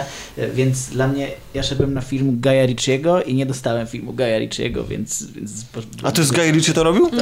To jest w ogóle powód, powód dla którego było- ja nie poszedłem I tam nie było żadnych gangsterów? No właśnie nic nie z Gaja Ricciego nie znalazłem tam, Nawet ale... jakiś montaż? No nie bardzo właśnie. Jakby... Czyli generalnie dali mu zrobić... No, no, no właśnie. No. To jest coś, co mnie zniechęciło od pójścia Czy coś jeszcze, film. Magdalena? E, Nie, myślę, że z filmów to, to będzie wszystko, ale jak przejdziemy do jakichś tam muzycznych Muzycznych, rzeczy, jasne. czegoś, to, to Dobrze. oczywiście. Katarzyna, czy ty chcesz teraz? Już się namyśliłaś? Ojej, namyśliłam Już pół godziny minęło. No myśli, myśli że minęło, minęło tak. zdecydowanie. Dobrze, Dobrze. to mogę. Bardzo się cieszę, że wspomnieliście kilka z tych filmów, które e, są w moim topie, więc już nie muszę o nich mówić i, i mam czyste sumienie, że już zostało o nich wystarczająco dużo powiedziane. To w takim razie o Almodowarze, o którym e, nie zdążyłam powiedzieć, bo akurat kiedy była premiera tego filmu, to nie mieliśmy nagrania kolaudacji, a potem już było za późno i tak naprawdę nigdy go tu nie omawialiśmy. A jest to film, jest to jedna z tych moich tegorocznych dziewiątek i jest to film, który zrobił na mnie ogromne wrażenie. Mm, Ja do Almodovara mam taki stosunek e, nie do końca nabożny, bo niektóre jego filmy podobały mi się bardzo, e, inne mnie zawiodły. Ale ten film mam wrażenie... Jaki? mm, Bo przepraszam, tegoroczny Almodóvar, Ból i Blask e, z Antonio Banderasem, zresztą świetnym, w roli głównej. Ten film jest taki trochę nie Almod... Znaczy nie, przepraszam. On łączy trochę w sobie cech właśnie, tak jak mają wszystkie filmy Almodovara, a z drugiej strony jest inny, bo jest znacznie bardziej e, realistyczny. Ponieważ e, ten film opowiada o znanym reżyserze, no i oczywiście Pedro Almodovar ciągle był pytany, czy to jest jego e, autobiografia. Mimo, że kilka scen było kręcono w jego mieszkaniu i ten reżyser e, filmowy, który nazywał się Salvador, no Almodovar, Salvador, to też trochę tak, e, myślę, że zamierzone. Dwa najpopularniejsze imiona. Tak, tak. Wiem, ale tu je mamy Pedro. No ale mm, podobno nie jest to do końca Pedro, ale przeniósł na tę postać bardzo wiele swoich cech. A wiesz, na plakacie y, tego filmu widnieje profil Almodovara jako cień bohatera, więc, więc No to więc musi e, zaznaczyć. to oczywiście mówi nam dużo, ale być może dlatego, że ten film właśnie był taki bardzo osobisty i dlatego był bez takich różnych odjazdów, które czasami e, u Almodovara w kinie się zdarzają i po prostu trzymują mi ten film. Właśnie e, tym, że po pierwsze bardzo fajnie pokazywał kryzys twórczy, bo to nie jest tak, że e, postać główna w tym momencie ma. Nie, to nie do końca źle powiedziałam. To nie jest kryzys twórczy. To jest kryzys jako całego człowieka, ponieważ on, e, ta postać, jest, zdobył super e, rozgłos, zrobił wielką karierę, ale przestał tworzyć filmy, po prostu uważa, że już nie ma siły i że mu się nie chce. On ma bardzo dużo różnych fizycznych przypadłości. e, i stwierdza, że już się do tego całkowicie nie nadaje.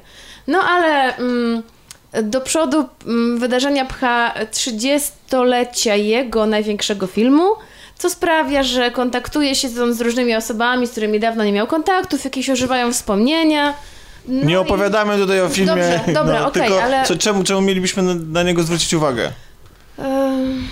Ponieważ łączy on wszystkie wątki ważne dla tego twórcy i uważam, że po prostu jest przepiękny wizualnie. W momencie, kiedy mamy sceny retrospekcji, e, szczególnie sceny retrospekcji, w których występuje matka e, reżysera, grana przez Penelope Cruz, e, są one tak niesamowicie zmysłowe, sensualne, że po prostu czułam się jakbym tam była. Czujesz zapachy, czujesz smaki, słyszysz odgłosy i po prostu e, dawno nie czułam się tak bardzo jak Grzegorz dzisiaj. E, tutaj widzę, już, już wychodzicie, czy... Nie. A, myślałam, że idziecie. Ja mam przyspieszyć. Nie, ja się tylko śmieję, że- że słyszysz odgłosy.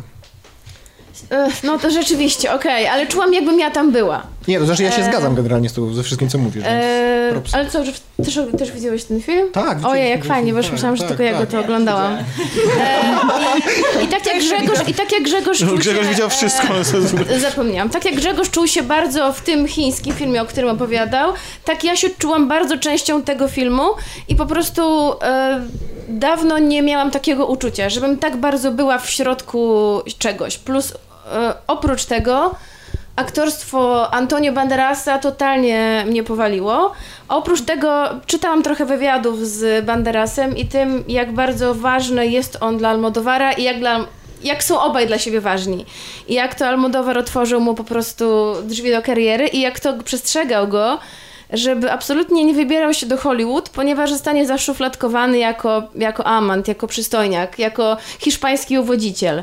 Niestety trochę tak się stało, ale zawsze mógł wrócić e, Banderas do Almodovara i tym razem ten powrót jest naprawdę bardzo udany. I, i, I myślę, że dlatego ta rola jest tak niesamowita, bo on tutaj mało... Nie widzimy tak jakby tego aktorstwa z wierzchu. Tak jak bardzo podobał mi się film Lighthouse, ale jednak tam jest bardzo widoczne aktorstwo. Tak jak słyszałam, że w poprzednim odcinku mówiliście, że nawet było trochę przeszarżowane. Ale tam to było troszkę uzasadnione, bo ten film miał być taki teatralny. Ale chodzi mi o to, że tutaj Banderas jest taki bardzo, bardzo wyważony. Gra tak super delikatnie e, i tak bardzo wiarygodnie, że nigdy nie podejrzewałam, że jest w stanie taką kreację stworzyć. Szkoda, że ten film był tak bardzo dawno i się boję, że do Oscarów już może nie dobić w związku z tym, ale chciałabym, żeby bardzo, żeby był nominowany. E, Banderas jest bardzo mocnym y, kandydatem. jest kandydatem, to będę za niego naprawdę trzymać kciuki, bo e, no, zachwycona wyszłam totalnie z kina. I Inne, zaczarowana. inne tytuły? Inne tytuły. Bardzo dawno był i w związku z tym myślę, że zatarł nam się w pamięci, ale to my zrobił na mnie ogromne wrażenie. Nie będę omawiać, bo tutaj już omawialiśmy go bardzo szczegółowo i przytaczaliśmy różne interpretacje. Tak, ja nie wiem, czy ja bardziej tego filmu nie cenię niż Parasite. Cały czas to mu się w głowie kusi właśnie, który film o klasizmie w tym roku lubię najbardziej. Taka specjalna kategoria powinna być na Oscara. Dokładnie tak. A o Rocketmanie chciałam wspomnieć, ale na szczęście już, już wspomniano. A, jeszcze Midsommar. Chciałabym wyróżnić ten film. Tak, zdecydowanie. E, Stanowczo nowa fala horrorowa cały czas trzyma się mocno. Ten film e, zrobił na mnie także ogromne wrażenie. E, I oprócz tego jeszcze chciałam wymienić jeden film totalnie mainstreamowy. Komedię. Zaraz, przewijam, przewijam, nie pamiętam tytułu. Faktycznie zapadający w pamięć. No nie, no bo tytuł był totalnie, o... Zapewnie longshot. polski- Tak, long shot, polski tytuł Niedobrani. Komedia z Charlize Theron i Sefem Ro Rogenem lub Rogenem, nigdy nie wiem jak się czyta jego nazwisko, Rogen. Jest on już dostępny na VOD, wydaje mi się, że nawet na Netflixie. E, świetna rozrywka, a jednocześnie także doskonały komentarz, także trochę klasowy, trochę e, mm, o Ale m- mezalians w trochę kinie lewacko. romantycznym to jest obecny Ale zawsze. właśnie e, myślę, że słuchacze wiedzą, że ja bardzo nie lubię e, ko- komedii romantycznych i dlatego to jest aż to jest tak zaskakujące. Ja temu filmowi dałam ósemkę, to chyba po prostu oprócz Love Actually to jest jedyna e, komedia romantyczna, której dałam tak wysoką ocenę. Naprawdę mm, bardzo mało jest inteligentnych, niekloacznych komedii mainstreamowych i, i opowiadających ciekawe- o czymś. Co ciekawe, uważam, że ta Seth Rogen zagrał teraz też w jakimś, Pumbę. w jakimś najgorzej ocenianym w ogóle filmie tego Pumbę, roku. pumbę. Naprawdę? Tak, i to jest O. film... y, Król Lew? Królew. Nie, on zagrał, on zagrał jeszcze w tym, w, a być może zagrał też Pumbę, ale, ale zagrał też jeszcze w jakimś aktorskim filmie, takim jakiś kompletnie jakimś e, niszowym, który też jest na Metacriticu gdzieś w okolicach zera się tapla. On nie? niestety nie jest wyznacznikiem dobrego kina. Nie, nie, nie. Nie jest, ale dlatego roku tak bardzo był byłam zaskoczona tym filmem. Dlatego tak bardzo byłam zaskoczona niedobranymi. Naprawdę, je, jeśli jest na Netflixie, no to jedno kliknięcie możecie wyłączyć w każdej chwili, ale spróbujcie, bo e, i o rasizmie, i o lewactwie, i o... ale właśnie w taki zaskakujący sposób. E, główny bohater odkrywa, że e, będąc lewicowo-tolerancyjny jednocześnie jest nietolerancyjny dla e, wierzących e, prawaków. W związku z tym takie dość e, nieszablonowe moim zdaniem jak na dzisiejsze Symetrysta kino. po prostu. To może. Chodzi mi o to, że dzisiejsze kino mam wrażenie jest bardzo mocno takie lewicujące, a tutaj mamy wow, jakieś bardziej takie y, środek. To mnie bardzo zaskoczyło pozytywnie. Michał, ty opuszczasz nas? Tak. To y, Michał nas opuszcza. Dzięk, Tak, dziękuję. bardzo za zaproszenie na nagranie. To było dla mnie duże zaskoczenie, wielka przyjemność. I mam nadzieję, że jeśli kiedykolwiek e, Tomek będziesz nagrywał ten specjal o Terminatorze, to No tak, to jest, jedno z, jednych z moi, to jest jeden z moich zawodów tego roku. że nie nagraliśmy. to z wielką przyjemnością bym z nim, w nim uczestniczył. No, wpadaj. Jasne. Słyszałam spadaj, czy wpadaj? E, To niech to pozostanie do interpretacji słuchaczy, ponieważ nasza relacja z Michałem internetowa jest bardzo burzliwa, więc. Ale myślę, że fakt, że y, znalazł się u nas w kolaudacji przed mikrofonem wiele znaczy. To jest taka męska, szorstka przyjaźń w starym stylu, a nie te nowe obściskiwania się, jakieś wąskie rurki i, i, i ciepłe kluchy. Tak, to dziękuję bardzo i do usłyszenia jeszcze Super, kiedyś. że wpadłeś y, i bezpiecznie drogi do domu. Dziękuję bardzo. A Dobrze. ja mogę ostatnie zdanie? No, a, a kiedy nie mogłaś ostatniego zdania? To jeszcze jedno wyróżnienie No, dla filmu, który widziałam wczoraj, więc może jest najświeższy w mojej I pamięci. to kradniesz mi film, no. I jest to pierwszy... Nie, nie O. kradnę, bo ten widziałam przedwczoraj. A, okej. E, Wczoraj widziałam, ki- i to jest, już się kończy rok, a to jest pierwszy film, na którym pociekła mi łza, mianowicie historia małżeńska. I to jest wyróżnienie za to, że tak bardzo wzrusza, wzruszyła mnie scena kłótni bohaterów połączona z wielkim wyrzutem emocji różnego rodzaju, że naprawdę pociekło mi łzy na policzkach, a to się bardzo rzadko zdarza. A Adam Driver jest w ogóle ikoną 2019 roku. Mam, mam wrażenie, nie? Że Oboje ze Scarlett Johansson naprawdę świetny Każdego. popis aktorski. każdego roku. I tyle, bo omawialiście już ten Jasne. film, więc tylko ode mnie, ode mnie wyróżnienie łzy w kształcie złotej łezki. A, ty czekasz cały czas? A, spoko, dobrze. To ja w międzyczasie, jak To mi... teraz Tomek. Tak, to teraz ja. Jesteśmy ciekawi. Ym, W emocjach już. nie, się wszyscy cieszymy. wiedzą, jaki jest mój najlepszy film roku. To jest Lighthouse. To jest, to jest dla mnie to jest definicja kina. To jest kino, które jest e, popisem realizacyjnym, jednocześnie czerpiącym z e, bogactwa kultury i własnego medium, ale też wyznaczającym, znaczy w sensie, nie, po- znaczy to nie jest tani sentymentalizm, ani jakieś tanie sięganie pod środki po to, żeby coś zatuszować. Jest tam ogrom pracy włożony technicznej, ale nie w taki sposób efekciarski nas zaskakujący, tylko po to właśnie, żebyśmy podskórnie uwierzyli w ten świat i wydarzenia na ekranie. Z popis aktorski, to przeszarżowanie jest dla mnie kompletnie pasujące do tego dzieła, bo oczywiście lubię też subtelne e, wykony, ale, ale, ale w tym wypadku to było dla mnie e, zjawiskowe i odpowiednie. No i film, który z jednej strony można, można z niego czerpać przyjemność samego obcowania z nim, czyli jest, ma, spełnia funkcję rozrywkową, ale jest tak bardzo, e, pozwala na tak wiele interpretacji, zmusza, bo to mu- nie musisz sobie ustawić, albo, albo ja skończę, bo chodzi o to, że to wtedy słychać i... Aha, okej, dobra. Co to ustaw sobie. Dobra. Dobra. I jednocześnie zmusza i daje możliwości do interpretacji. I jeszcze mało tego, po, po wyjściu z niego każe sięgać, uczyć się, doszukiwać, rozmawiać. I tylko fakt, że on jest po prostu bezapelacyjnie dobry oraz bezapelacyjnie niekontrowersyjny w żaden sposób, to, to tylko to chyba. No i przede wszystkim jest mało. No to jest film dosyć niszowy. W Polsce w ogóle nie miał pra- praktycznie dystrybucji kinowej. Nie wiem, jak to będzie z. Byliśmy z Michałem przedwczoraj i bardzo ciężko było kupić bilety. No. E, on już wychodzi z kin, nie wiem dlaczego, chociaż e, sporo ludzi chce go cały czas zobaczyć. No bo moim Kupowałam o 14 e, bilet na godzinę 18 i był już tylko pierwszy rząd wolny i była pełna sala totalnie ludzi. No W UAP, oni, oni nie myślą logicznie. nikt- Ten dystrybutor po, na Polskę ma po prostu wywalone. No właśnie, i mnie, mnie boli to, że ten film nie będzie miał pewnie polskiej normalnej dystrybucji nośnikowej, a totalnie bym chciał go, już od jakiegoś czasu przestaję kupować y, filmy, bo już nie mam gdzie ich stawiać po prostu, nie dlatego, że nie chcę. E, a bardzo bym sobie z miłą chęcią sobie e, ten film zakupił. Natomiast chciałbym honorowo wspomnieć, jest taka kalka językowa dla, dla, tych, którzy się irytują, jak ja to mówię, to ja wiem, że to, ja, że to jest kalka językowa. Chciałbym wspomnieć o, nie o filmach, a o serialach. E, Chciał... To zanim powiesz Czekałem o serialach... Na, kiedy powiesz o coś o serialach, czy to... przykładamy to na jeszcze... Nie, nie, nie, to jest krótkie... E, zanim powiesz o serialach, e, mogę jeszcze o tym Lighthouse jedno zdanie? Czy nie mogę? Pozwolisz mi, Tomeczku? Tak. Dziękuję. E, ale chciałam tylko powiedzieć, że nie spodziewałam się zupełnie tego. Ja zawsze siedzę do końca napisów, e, że na koniec napisu było wspomniane, na czym opierał się reżyser i oczywiście oprócz Moby Dicka wspomnianego w filmie, e, było powiedziane, że cała historia bazowała na różnych autentycznych wpisach w starych dziennikach żeglarskich. To mnie bardzo zaintrygowało. Myślałem, że cię zaintrygowało też to, że jednym z producentów był Chris Columbus.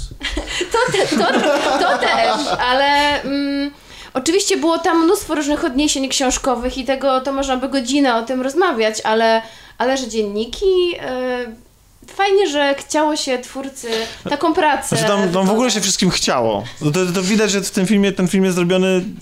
To jest po pierwsze, po pierwsze wytwórnia A24 to powinny, powinna wziąć teraz i wszystkich wykupić, łącznie z Disneyem, bo oni jakby robią cudowne filmy, co prawda opierają się, przynajmniej te, które docierają, y, te, te, te, które się docierają do Polski, to są horrory, ale mm, więc może ich zakres się zwiększy. jest szerszy, y, szerszy, ale w Polsce chyba głównie horrory, tak? tak? tak. E, I wszystkie one są lepsze lub gorsze, ale na pewno nie można powiedzieć, że słabe albo że pomijalne w jakiś tam sposób. I to jest. Y, ba, ba, bardzo się cieszę, że ten film zobaczyłem. Y, udało mi się go zobaczyć, bo. Bo tak inaczej bym musiał wskazywać na przykład właśnie na, też na, na Tarantino, ale seriale. Y, seriale wydaje mi się, że skradły trochę mo, może bardziej w tym roku moje serce. Zwłaszcza Czarnobyl wszyscy wiedzą, że był i jakby wszystkim się podobał i tak dalej ja trochę mam do niego zastrzeżeń jak zwykle, ale z, serial, który kompletnie kazał mi zmieniać kilkukrotnie to, co, o czym o nim myślę, a jednocześnie mnie ciągle z jednej strony brzydził, a z drugiej strony ciągle zachęca do tego, że... O, już wiem, o czym powiesz. To nie sukcesja. To, to, to za chwilę, ale... Ale właściwie, jeszcze prawdę mówiąc, to obydwa... To będzie euforia. Dzięki, dzięki, że mnie odebraliście. Tą euforię podzielenia się tym tytułem.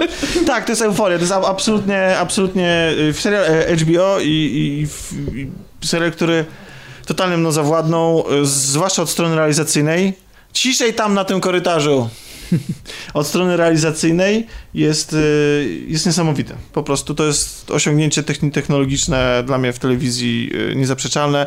Y, każdy odcinek jest, jest popisował totalnie realizacyjną tak. taką, a jednocześnie, tak? A widziałeś poprzedni film tego reżysera? Nie, nie. Assassination Nation? Nie, nie, nie. W, w 2018 był przez krótki czas w kinach i właśnie to jest identyczna stylowa, więc, więc tak, jeśli, okay. jeśli, i też też o młodzieży właśnie tak. bardzo podobne. Bo dla mnie, jeśli chodzi o operowanie językiem filmowym, to jest dokładnie co ja sam szukam w kinie, czego oczekuję i w jakiej stylistyce sam chciałbym się poruszać. Ten film jest brudny, e, często też zmienia, jest odwołuje, jest taki bardzo postmodernistyczny, tak, jakby przełamywanie czwartej ściany jest tam celowe. E, zresztą mam narratora zwracającego się do widza. E, jest rozmaite techniki i właściwie każdy odcinek... Ten efekt nazywa się soliloquium. Okej, okay, dobrze. Już zastosowane przy House of Cards e, jako pierwszy. No tak, tak, tak, ale chodzi o to, że tu jest też jeszcze połączone z tym, że mm, House of Cards po prostu miało, wiesz, y, odwracanie się w stronę kamery, a tutaj mam, to jest jeszcze wzmocnione tym, że każdy odcinek jest, jest popisowo techniczną, technologiczną, artystyczną, bo na przykład nagle znikąd, jak u Tarantino wjeżdżają animacje mm. i mamy na przykład retrospekcję o każdym z bohaterów, bo wchodzimy w świat nastolatków, który jest obrzydliwy, obleśny, to są nastolatkowie z jakiejś tam małej y, mieściny, którzy po prostu ćpają, uprawiają dziki seks y, i zresztą główna bohaterka, zresztą też narrator jest po odwyku i on generalnie na początku wydaje się jakby epatował strasznie wulgarnością i takim szpan- taką patointeligencją, mm-hmm. że to jest mhm. jakieś szpanowanie po prostu tym, jak bardzo jesteśmy wszyscy źli, jakie to dzisiejsze dzieciaki są niemoralne i w ogóle. A potem uczymy się o każdym z tych bohaterów, wchodzimy coraz bardziej w ten świat i on jest bardzo przewrotny. On wręcz ta jego początkowa mm, jakby próba zafascynowania nas i zszokowania. Wydaje mi się w ogóle, że to jest ten serial, że to jest serial dla młodzieży. Że to jest bardziej niż dla dorosłych, którzy bo on na przykład kupuje tym i potrafię sobie wyobrazić, że tacy 15, nie wiem, 16-latkowie y, mogą się nim zainteresować. Y, tym na przykład, że tam jest instruktaż tego, wysy jak wysyłać dickpiki. Dosłownie. Jest normalnie po prostu, y, nie ma żadnej krytyki tego, jest, jest to, jest, mało tego, jest, ten serial na to przyzwala, tłumaczy, że to jest wersja, to współczesna wersja romantycznego, czy tam jakiegoś e, ro, ro, rozmawiania i tak dalej, tak? tak? Ale że to jest waluta, za którą kupujesz miłość. Że to jest no. tak, że to jest waluta, za którą kupujesz miłość. Jest to z jednej strony, może to szokować, ale potem to się jakoś składa i układa i że on tak przewrotnie ma morał i że to tak naprawdę nie jest po prostu schlebianie temu wszystkiemu i że tylko próba zrozumienia, dlaczego Właśnie tak, się dzieje. On, on, reżyser próbuje zrozumieć tę młodzież, a bez jej oceniania. Tak. Może pokazuje dosadnie pewne rzeczy. Tak. I więc potrafię zrozumieć, że ludzie mogą od niego odpaść jako, że nie chcą oglądać takiej rzeczywistości, albo że uważają, że to jest po prostu takie pozerstwo czyste, ale z drugiej strony no, odmawiają sobie w ten sposób te, tech, technicznego, technicznej perełki po prostu. A drugi film, drugi serial to jest y, też, który mnie na początku odrzucił, obrzydził, zniechęcił, mimo tego, że jest no nie, nie wiem, czy jest aż tak pięknie nagrany, ale jest, jest przyzwoicie. Nie, właśnie to nie jest, bo on ma bardzo y, ma manierę, która mnie strasznie wkurza, y, jeśli chodzi o realizację zdjęć, czyli doskakiwanie do postaci, tak zwana transfokacja, jak już tam szpanujemy tymi e, terminami, czyli że, że w trakcie ujęcia wykonujesz zoom. E, jest to niezrozumiały dla mnie zabieg i oni się mało po krytyce nadal się go trzymali. Jest cały, cały sezon jest realizowany, te, e, drugi sezon też, cho- chociaż chyba może trochę mniej. Ale poza tym jest, mówię o serialu mm, Sukcesja. Sukcesja? nie, bo wy jeszcze nie wiecie, bo, bo mnie nie znacie. Ja mam gigantyczne problemy, dlatego ja czasami się zawieszam na imionach. To nie jest tak, że nie pamiętam czegoś imienia, tylko mam problemy czasami z e, przypominaniem sobie nazw, po prostu. Nazwy, daty i takie rzeczy po prostu mi tam. Więc wszyscy wiedzą ze starej ekipy, że jak ja mówię, czasami wymieniam tytuł, to jest tak zazwyczaj, że ja milknę, wszyscy mówią ten tytuł, ja go powtarzam.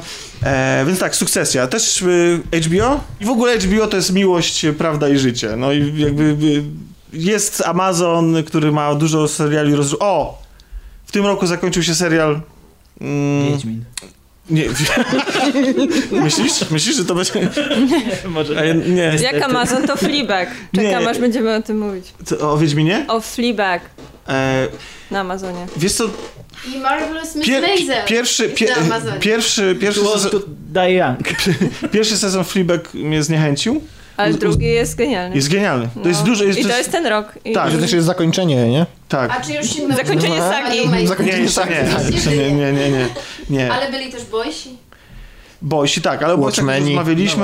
No e, nie no, Watchmeni, jasne, ten tytuł, w ogóle ten rok jest bogaty w dobre seriale. Pamiętacie, jak się na początku roku zachwycaliśmy tę antologią animacji Netflixową? e, To też A, ten rok. O robotach? O, To ten rok? Tak. Wow. Miłość, e, Miłość śmierci. Śmierć i Śmierci roboty. roboty, tak. No, super rok, naprawdę, naprawdę, mimo tych zawodów, które tutaj mieliśmy, bo chciałem powiedzieć o zawodzie, że i Amazonie, że zawiodłem się ostatnim e, sezonem serialu Człowiek z Wysokiego Zamku. I Uważam, że jest totalnie przyspieszony, uważam, że to, co, że to, jak się skończył poprzedni sezon, sugerował, że to dopiero jest początek, a w tym sezon, ten sezon to jest zwijanie zabawek. I kończy się w bardzo niesatysfakcjonujący dla mnie sposób, niestety. Mimo tego, że ogólnie jako cały serial jest bardzo dobry, ma... No ale to nieważne. Tylko powiem o sukcesji, to jest y, opowieść o... e, A myśmy chyba rozmawiali o, y, o, tym, o tym serialu, więc, y, więc może nie będę się rozwijał. Więc tak, Tak, w pierwszym odcinku, jak myśmy się tak, pojawili. no więc właśnie, no więc sukcesja jest, jest genialna i zasługuje na większą atencję, tak jak wszystkie seriale HBO. Watchmen to też jest taki serial, który na początku wydaje się o czymś zupełnie innym niż jest w rzeczywistości. A jak się kończy? Tak. Chociaż ty chyba nie no, lubisz- Ja na akurat finału niezbyt lubię ostatniego odcinka, ale za to uwielbiam przedostatni. A, no proszę. E, Chociaż, A ja no, siódmy. Ten czarno-biały.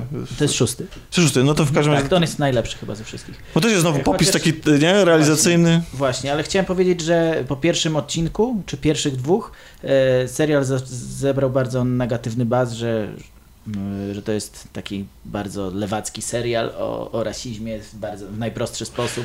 E, Też bardzo w 2019, tak, prawda? Tak, ale okazało się, że to jest bardziej zniuansowane. Jest więcej tematów, Tak, tak. i opowiada, że to jest tylko właściwie tak I jest warstwa wierzchnia. Niesamowite w nim jest to, że chociaż na początku się tego to nie wydaje, to koniec końców on zachowuje absolutnie ducha oryginału komiksowego. Tak. Jest dokładnie punkt kontynuacją tego, co mieliśmy w komiksie, jednocześnie będąc autorskim dziełem, e, nie wiem, showrunnera, tak, czy Mhm. producenta, który odpowiada za e, takie dzieła jak... E, Lost albo... czy no, Bardziej- chciałem o Lost, chciałem, to, tak, to tak jak z Favreau chciałem powiedzieć, no robił co mógł przy Lostach, Okej, okay. ale, a, ale, ale Leftovers. Leftovers, No, to nie, to. Arcydzieło telewizji. Tak, to się zgadza. E, Watchmen może nie jest aż tak dobrzy, ale, ale Ale w tym roku czołówka serialowa. czołówka.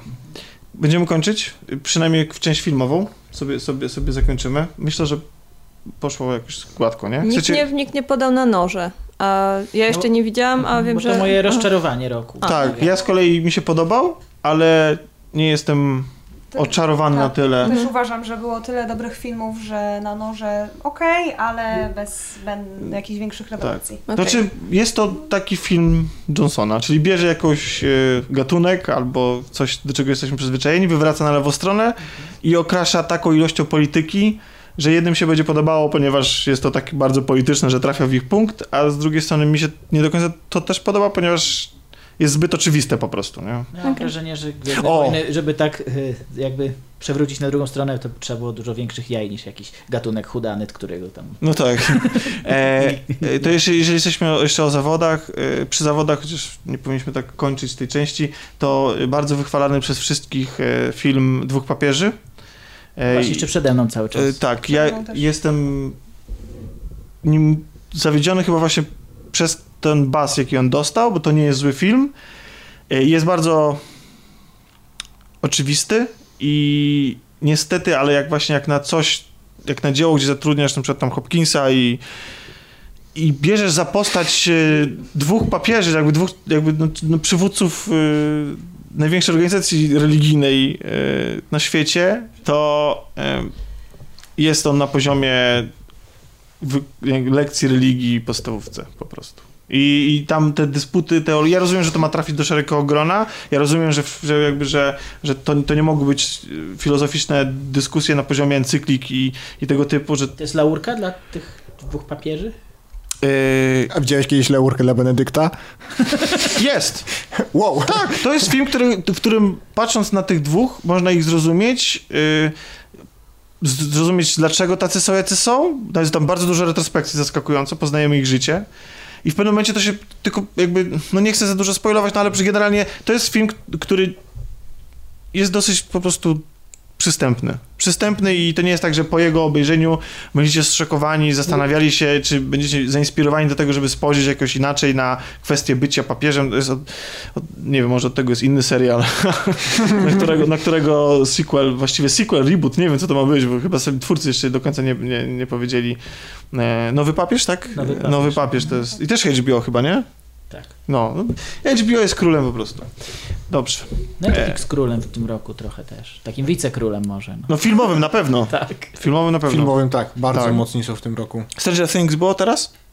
W tym roku? Tak, w tym roku, ale, Też. to akurat mi się nie A podobało. z kolei a propos jeszcze wielkich reżyserów, mnie z kolei zawiódł y, Jarmusz. I ten, bo truposze nie umierają nigdy. Tak, tak, tak. Dead don't Dead die. don't Truposze nie umierają, tak. Tak. I mimo, że ten film był fajnie samoświadomy, to jednak e, przekaz był tak banalny, że po prostu, bo czekałam cały film, aż może okaże się, że jest o czymś więcej niż mi się wydaje, ale przekaz okazał się tak totalnie banalny, że no nie podejrzewałabym Jarmusza o... Znaczy, wydaje mi się przede wszystkim, że samoświadomość w filmie o zombie w 2019 roku to jest To w ogóle jakby... Lepszym filmem o zombie, który w tym roku przynajmniej był na polskich ekranach przez chwilę na festiwalu, to o którym mówiłem, to One Cut of the Dead, jednym cięciem. Jeszcze raz polecam, jak gdzieśkolwiek się pojawi. Tak. Dobra, Słucham, kończymy. zapisałam. Dobrze, dobrze, dobrze. y, Grzegorz zakończył pozytywnie, że coś polecił na koniec, bo byśmy... A to, to był dobry rok, kurde. Bardzo dobry. Bardzo dobry. Z, z dawno się tak długo nie zastanawiałam, które filmy lub które seriale najbardziej podobały mi się w tym roku. Naprawdę. Dlatego jesteśmy tacy wybredni, Dobrze. bo był taki dobry. Kończymy e, część filmową. Chyba, że ktoś jeszcze ma coś do dodania. Ja mam jedną taką anegdotkę e, a propos tego, że niedawno ogłoszono e, nominacje do Złotych Globów i zauważcie, że w kategorii najlepszy aktor drugoplanowy mamy w 2019 roku taki, takich aktorów jak Anthony Hopkins, Brad Pitt, Joe Pesci, Al Pacino, Tom Hanks. To Wow. jest lista nominowanych w 2009 roku. W 2009. W 2019 roku. Tak, jakby aktualny ten. No, czyli sama Czyli śmietanka, no. nic się nie zmienia w ogóle w kinie. 59? Właśnie, no. To może było kopiuj i wklej, nie? Pitta to 95. No. Ale nadal, na- nadal jest to takie, tak. Nie no, a Adama Drivera tam nie ma. A przecież to rola jest- Kylo Rena, Tak, to jest za drugoplanowy. No, y, Drugoplanowy. A, za drugoplanowy, Może okej. był pierwszoplanowy. tak, ale też złot, te nominacje ogłaszano, kurde, nie wiem czy nie Chyba. przed wyjściem. historią Star Może tak być. I historii, no tak. No. No. Tak, Dobra. bo to w styczniu, w styczniu jest rozdanie E, i trochę tak wcześniej ogłaszają. Dwóch papieży w głównej kategorii. Tomek, zaskakuje cię to? Tak? Za dramat czy za, komedię? Dramat, za dramat. Do Złotych Globów. No, No, nie jest takie oczywiste w przypadku Globu. no to coś mogę powiedzieć, no po prostu ja lubię tematy religijne, temat Boga jest dla mnie bliski mi i po prostu spodziewałem się być może po tym filmie delikatnie wyższej, znaczy bardziej pogłębionej tej rozmowy o Bogu i o Kościele, tak? Więc dla mnie sprowadzenie tego do wymiany kilku hasełek, e, którymi się przerzucają ludzie na Twitterze, y, jest...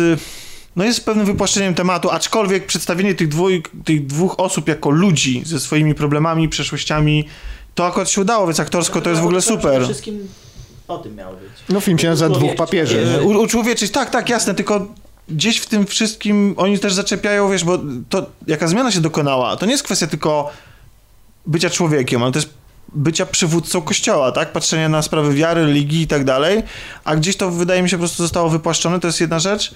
Mm, Druga, ten film jest tani, to znaczy, no podejrzewam, że dlatego, że pewnie nie spodziewali się takiego odbioru, bo on jest kręcony w, w stylu zdjęć e, reporterskich, wygląda jakby czasami jakby po prostu gdzieś wpadali, kręcili na szybko i, i wypadali e, i to też mnie jakoś tam może trochę, Watykan zasługuje na takie większą estymę, jeśli chodzi o e, i zaangażowanie twórcze niż... Ja też jak mówię, jeszcze tego takiego. filmu nie widziałem, ale e, wcześniej byłem bardzo pełen obaw, dlatego że scenarzysta jest scenarzystą Bohemian Rhapsody i tak mówię, to nie może być dobry film w takim razie. Ale Wiesz co, wydaje mi się, że jakby pogłębienie tych życiorysów jest podobny, na podobnym poziomie po prostu. No jeszcze przede mną, tak jak mówię, może jeszcze się tu kiedyś wypowiem Jasne. na ten temat. Stąd, stąd też sukces Wiedźmina na zachodzie. A teraz idziemy po Wiedźminie. Rozmowa o wielkich ludziach w prosty O sposób. wielkich no. Polakach. Wielkich Polakach w prosty sposób. A tak, Polakom y, konserwatywnym, prawicowym może się bardzo nie przypaść do gustu sam początek tego filmu. Dlatego, że jest wspomniany papież Jan Paweł II i jest skrytykowany. Jest, jest, Już myślałam, że mówisz o Wiedźminie i się zdziwiłam. nie, już krytyk, krytyka papieża no, to jedno, ale krytyka Wiedźmina to jest coś, na co sobie nie możemy w pierwszym pozwolić. odcinku jest czarnoskóry, więc jakby został on skreślony przez prawicę, nie? Znaczy, ja właśnie, widzisz, ja w ogóle nie zauważyłem takiej dyskusji, to znaczy w sensie one były wcześniej, No tak, no. ale, teraz, ale teraz, się, teraz się wyciszyły. Czytałem na jednej z grup naszych zaprzyjaźnionych dyskusję, która y, jest dla mnie naj, najgłup... Naj, o, to jest moja nominacja, bo od razu wygrywa u mnie. Najgłupsza dyskusja w tym roku internetowa, jaką kiedykolwiek w życiu czytałem, mianowicie Czarna mała syrenka. nie. Będzie czarna? No, nie, żartuję przecież, ale nie, to, to była dyskusja o, o tym, że ktoś nie mógł uwierzyć w świat, w którym ludzie są rasistami wobec elfów, Już wiem, o którą dyskusję chodzi. O, jest załamałam się. a nie mogą, nie, a nie mogą, a, a nie ma jednocześnie rasizmu wobec innych kolorów skóry. Rozumiecie? Czyli jakby ten ktoś, kto zaczął tę dyskusję, nie rozumie, dlaczego nie ma w tym, w tym serialu rasizmu z podziałem na, na kolory skóry ludzi. Co jest w filmie fantazy, gdzie niekoniecznie w ogóle musiało być niewolnictwo wśród ludzi Skoro i... mamy różne gatunki i jest kogo nienawidzić, mamy... Po, To po mamy co kolor? Postacie, które są zmutowane, które są całkowicie Ale nie, ale nie, jakby... To kolor skóry to jest nic. I, I to była jedyna taka dyskusja, jaką widziałem w mojej bańce, ale była tak głupia, R- e, Robert się właśnie popłakał. no ale bo to, jest, bo to jest taki absurd, że ciężko mi uwierzyć, że ktoś to na serio zaczął y, tą dyskusję, ale tak, bronił tego bardzo i to była dosyć rozbudowana e, kwestia, wymiana zdań, e, a sam serial ma po prostu inne problemy i myślę, że ludzie właśnie na to zwracają bardzo y, częściej uwagę niż na to, że mamy czarne elfy, więc... Znowu ogromny rozstrzał między ocenami krytyków, a ocenami widzów. W przypadku tego Tak, aczkolwiek tu w tym Nie wypadku... tylko widzowie też. Ale, ale, ale mi się też wydaje, że w tym... Najlepiej oceniany serial na IMDb w tej chwili. Przez... Lepiej oceniana to jest piosenka. No to na pewno, to są Nie! Nie. A jak, a jak jesteśmy przy piosenkach, to, to przejdźmy do tej muzyki. Słyszy ją raz, to ona po prostu przez tydzień męczy i na koniec już nie możesz, czołgasz się po prostu La la la la la la la la la la la la la la la la Dobrze, przejdźmy ty, tymi... Żona mówiła, przestań to nucić w końcu. Bo Ej, ja mówię, nucę to naprawdę? ją się nuci nieświadomie Tak. po prostu. Tak. Ja jej nienawidzę i też ją nucę, no. Ale najlepsze jest to, że ostatnia Jeszcze nie piosenka, słyszałam. którą tak bardzo nuciłam, to było Shallow. Lady Gaga i Bradley'a Coopera. To była piosenka, która mi tak Ty wiesz, co Dorota głowę, powiedziała? nie Czy wiesz, co Dorota nie powiedziała? Że, że ta piosenka, że ona żałuje, że ta piosenka nie jest w filmie fabularnym i że nie jest nominowana do Oscara. Nie, piosenka? nie szalał, nie. Tak, Nie, znaczy nie, no to był, to był żart. No to jakby po, Ale po, jeśli coś tak się Ale- wrywa, tak, ale w właśnie- głowie, że jest chwytliwe. Tak, w sensie ja to porównałam do Shallow y, właśnie w rozmowie o muzyce. To jest dokładnie ten sam Mam efekt ten na sam mózg. efekt. Jest, jest to efekt po prostu, na początku jesteś zachwycony, po kilku dniach chcesz się zabić i wykuć sobie oczy i uszy. Możemy przejść do A tej piosenki jeszcze są dwie wersje. Polska, angielska. Polska i angielska. A wczoraj, wczoraj, Nie, wczoraj, Słyszałem indyjską ostatnio. wczoraj już... Kilkanaście, bo każda Znaczy, wersja no tak, no tak.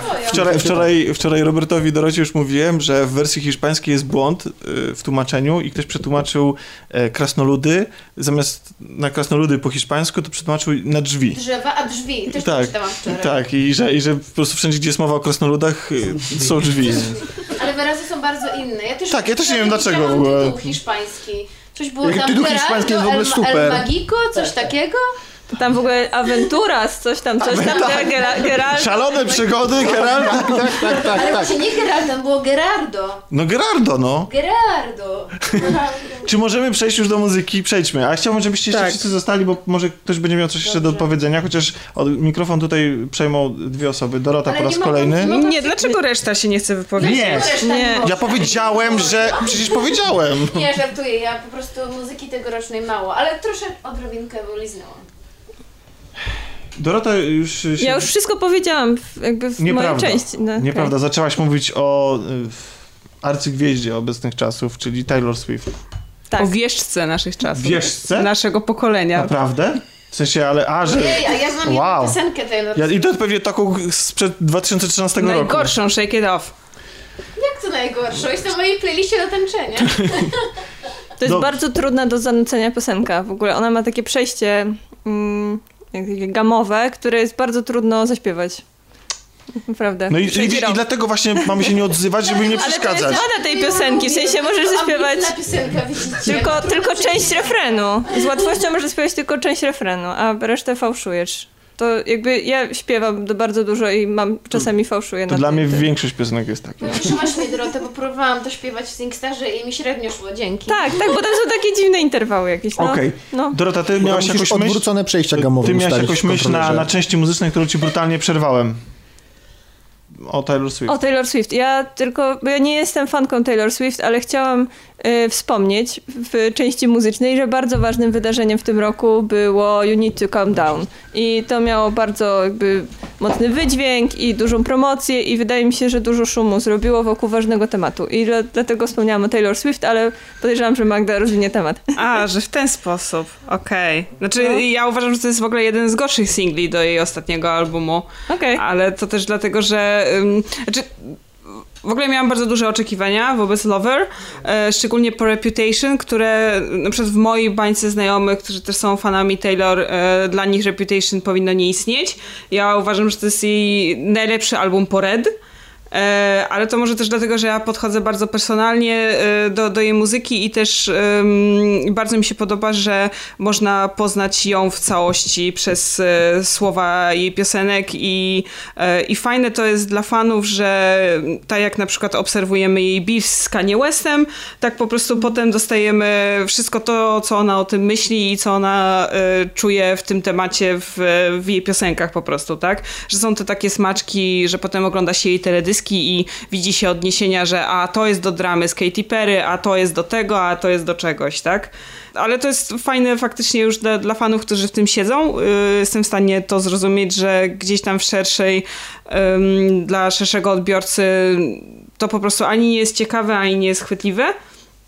No tak, Mm. znaczy ja nie znam, nie znam tych dram i dlatego w ogóle nie, nie, nie odebrałam, w sensie nie, nie widziałam tego poziomu. To ja jako zupełny laik, jeśli chodzi o, o Taylor Swift, Mhm. jako jakie największe wydarzenie w, w jej jakby dziedzinie, w tej dziedzinie bardzo mainstreamowej zapamiętałam te, te właśnie ten jeden teledysk i tę jedną piosenkę. Mhm, do No. You Need to Calm Down. Ona miała w ogóle mm, dużo już takich wypowiedzi, e, jeżeli chodzi o to, że jest tam pro LGBTQ i tak dalej. Jeżeli chodzi w ogóle o Taylor i, i tej, mm, tą całą otoczkę e, dotyczącą tego, czy jest aktywistką, czy nie, najbardziej chyba w ostatnich latach podobało mi się to, że e, to tak trochę w nawiązaniu do, do tej akcji MeToo, która okazała się być tak naprawdę trochę zabiegiem marketingowym, tak? I, i to wszystko upadło trochę w, w tym roku, jak wyszły na jaw nowe fakty w tej sprawie. E, Bardzo mi się podobało, że kiedy e, Taylor faktycznie się e, sądziła i oskarżyła jednego z DJ radiowych o, o molestowanie, to wygrała sprawę na jednego dolara, tak? I ona się sądziła o jednego dolara, bo chodziło po prostu tylko o to, żeby sąd przyznał jej rację, tak? I, I nie wzięła żadnych pieniędzy, pomimo tego, że gdzieś tam, czy to jej się należało, czy nie, czy, czy, czy mogła. I, em, I podoba mi się w ogóle to, co Taylor robi e, ze swoją muzyką. Podoba mi się to, że teraz jak zmieniała wytwórnię, to jest odpowiedzialna w 100% za swoją muzykę, że, e, że odzyska niebawem prawa do wszystkich swoich poprzednich albumów, zamierza je wydać ponownie. Najprawdopodobniej to, to będzie w ogóle z, zupełnie nowy wydźwięk tego, zremasteruje je, nagra je w ogóle od nowa. Tamten Aha. materiał najprawdopodobniej nie tylko po prostu zmieni okładkę i, i wyda tak, żeby więcej na tym zarabiać. Fajne jest to, że jest po prostu taka bardzo autentyczna i wydaje mi się, że to jest taka że ja mówię za dużo o Taylor. Nie, Nie. To, jest, to jest bardzo ciekawe, po prostu no, ja nie mam nic do Bo dodania. znaczy, przerwałeś w naj, w takim najbardziej interesującym momencie, bo to jest gwiazda pop, a powiedziałeś, że jest taka autentyczna. Tak, bo y, znaczy Taylor y, zapoczątkowała trochę, dla mnie przynajmniej, w moim odczuciu, zapoczątkowała erę gwiazd, które w jakiś sposób wytworzył internet, bo A to nie był Bieber? Właśnie nie, bo znaczy trochę tak, trochę nie, bo Bieber jest taką pierwszą gwiazdą YouTube'ową, która e, faktycznie potem przeszła do mainstreamu, ale, ym, ale Taylor jest bardzo mocno związana z, z Twitterem i to, że ona sama mając te 14 lat, kiedy debiutowała, prowadziła swoje media społecznościowe, zanim ktokolwiek jeszcze się do tego dopchał, tak, z PR-u, marketingu i, i mówił jej, co ona tam ma robić, że ona była właśnie taka bardzo, bardzo autentyczna i bardzo do fanów, em, sprawiło, że, y, że wydaje mi się przynajmniej, że, że ludzie ją tak kochają od lat.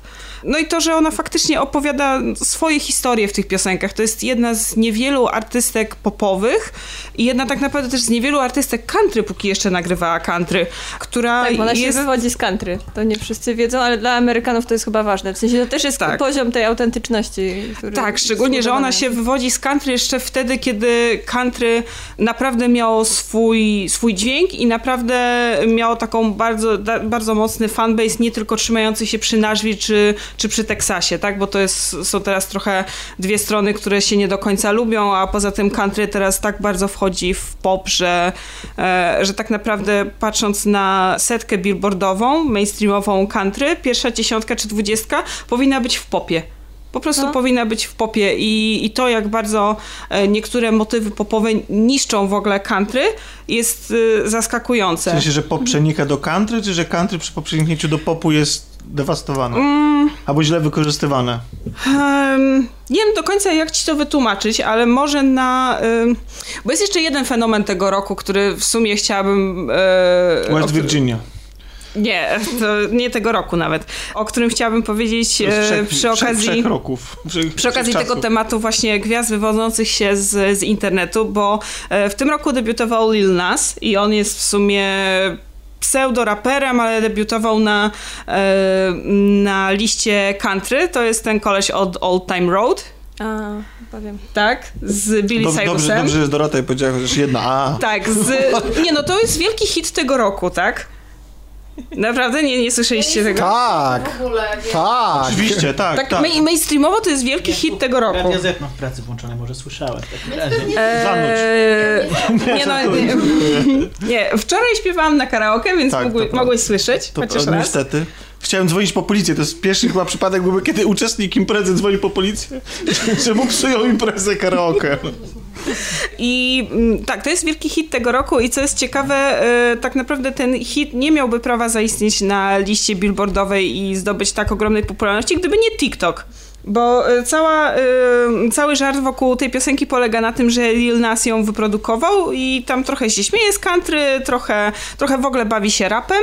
Kupił beat za 50 dolków w internecie, wyprodukował sobie piosenkę w swoim, w swoim pokoiku i, i uznał, że ona jest na tyle zabawna, że, że sam pozwoli ludziom się z niej śmiać i sam produkował memy na, e, na jej temat. I puszczał je na Twitterze, puszczał je na Reddicie i, e, i samplował ten kawałek gdzie się dało, aż w końcu poznał kilku TikTokerów, którzy się zapytali, czy mogą nagrywać do tego TikToki, tak? Mhm. I tak poszło już to już po prostu wiralowo, tak? Przez TikTok, tak jak kiedyś Bieber poszedł wiralowo, przez YouTube'a, e, tak, e, tak teraz TikTok gdzieś tam e, sprawił, że All Time Road poszło dalej i on zadebiutował na liście country country, tylko tak naprawdę on rapuje, tam nie ma nic mhm. z country, poza tym, że on się śmieje, że ma tam e, cowboy hat from Gucci, tak, i Wrangler on my booty, to nie ma nic country w to tej piosence. To jest gangsta country.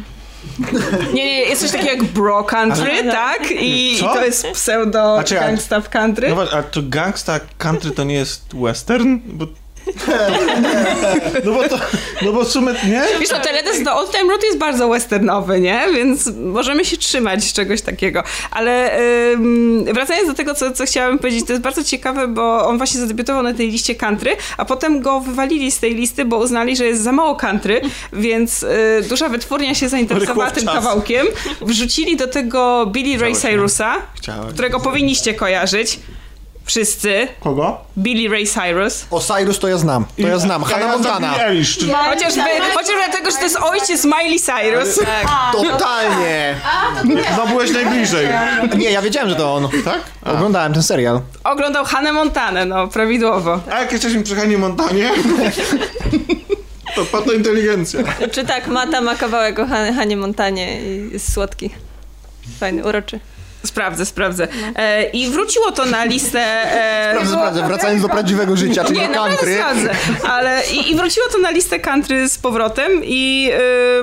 I to jest y, o tyle, o tyle zabawne, że Nashville i wszystkie duże wytwórnie z Nashville bardzo próbowały wyrzucić ten kawałek na przykład z y, radia country, tak, żeby nie był aż taki popularny, tylko po to, żeby ze dwa miesiące później wyprodukować swojego czarnego artystę, który rapuje pseudo country, co jest po prostu tragicznym kawałkiem i na szczęście nie mam w głowie tytułu, ale może potem y, dorzucimy do, do, do opisu, jak sobie przypomnę i damy link do YouTube'a, chociaż nie wiem, czy chcę wam robić taką krzywdę, żebyście nie. go poznali. Zrobisz, zrobisz, tak jak zresztą Dorota i Dominik, yy, zrobisz swoją playlistę rzeczy, które cię ujęły. Bo wiesz, bo chodzi o to, że, A, że rozmawianie o muzyce jest mniej ciekawe niż rozmawianie i słuchanie. Jasne, Plus, rozumiem. Y, na pewno nie wspomnisz o wszystkich rzeczach, które chciałabyś wspomnieć, a tam po prostu przygotujesz swoją listę, czego. Mm, Dobrze, czego, zapoznam was z country, które mi się podobało w tym roku, tak, nawet znaczy, pop country. Dobrze, a oprócz y, country i oprócz y, Taylor Swift, co, co jeszcze się pojawiło? Co, co nas katowało? Muzycznie, muzycznie? Tak. Dla mnie to był w ogóle duży powrót do takiej trochę offowej e, polskiej sceny, której w ogóle nie, na co dzień nie słucham, bo, bo w ogóle jakoś nie słucham polskiej muzyki nie wiem właściwie dlaczego, tak? Po prostu nic mnie w niej nie ujmuje, e, przynajmniej w tej takiej mainstreamowej. Za to... Mówisz e... o zwycięstwie w Eurowizji Junior? Drugi raz Przemilczę. z rzędu. Tak, drugi raz z Dobrze, rzędu. przy... E... Wielki sukces, Polska Strong. Tak, to i, i Wiedźminem stoi, tak. Ale to nie się. Nie, dobrze, jestem bardzo dumna, tak? Chociażby z małych zwycięstw, oczywiście. Nie, dobrze, przepraszam. Małych też z wzrostem wiekiem, ha, ha, ha, ha. Ale... Ale dobrze, e, wracając do, bo... Myślałem, i... że mówisz o zwycięstwie Kurskiego. Marzeń oglądacie. Nie, ja po, po, po lekturze mm, benefisu Zenka Martyniuka, nie. Nie. mam dosyć telewizji na jakieś 20 lat, no. Powiedzieliśmy o tym jedno. E, powiedzieliśmy, tak, tak, ale już rozmawialiśmy wczoraj długo A, o tym. To no, no. dramat. Ja dalej nie wierzę, że to zrobiłeś, ale wracając do, y, bardzo mi się podobały i album Mary z Polski y, i nowy album y, Karoliny Czarneckiej. O. E, Znowu Dorota, jedyna o. I szczególnie w ogóle Karolina Czerńska dla mnie jest wielkim zaskoczeniem, bo ten nowy album jest zupełnie inny niż dwa poprzednie. Ja może tylko dodam, że Karolina Czernecka, dla tych, którzy nie wiedzą, to od tego hitu Hera Kokahasz. Tak, właśnie.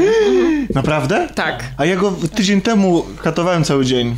Bo dlatego, że... y, Bo dlatego, Przypadek. Nie, nie, bo chciałem... Nie. A, to ja go promowałem. E, Nie, bo chciałem go wrzucić w jakimś komentarzu, że e, w komentarzu, który krytykował patointeligencję, że generalnie w Polsce się dosyć dobrze sprzedają piosenki o patologii i narkotykach, nie?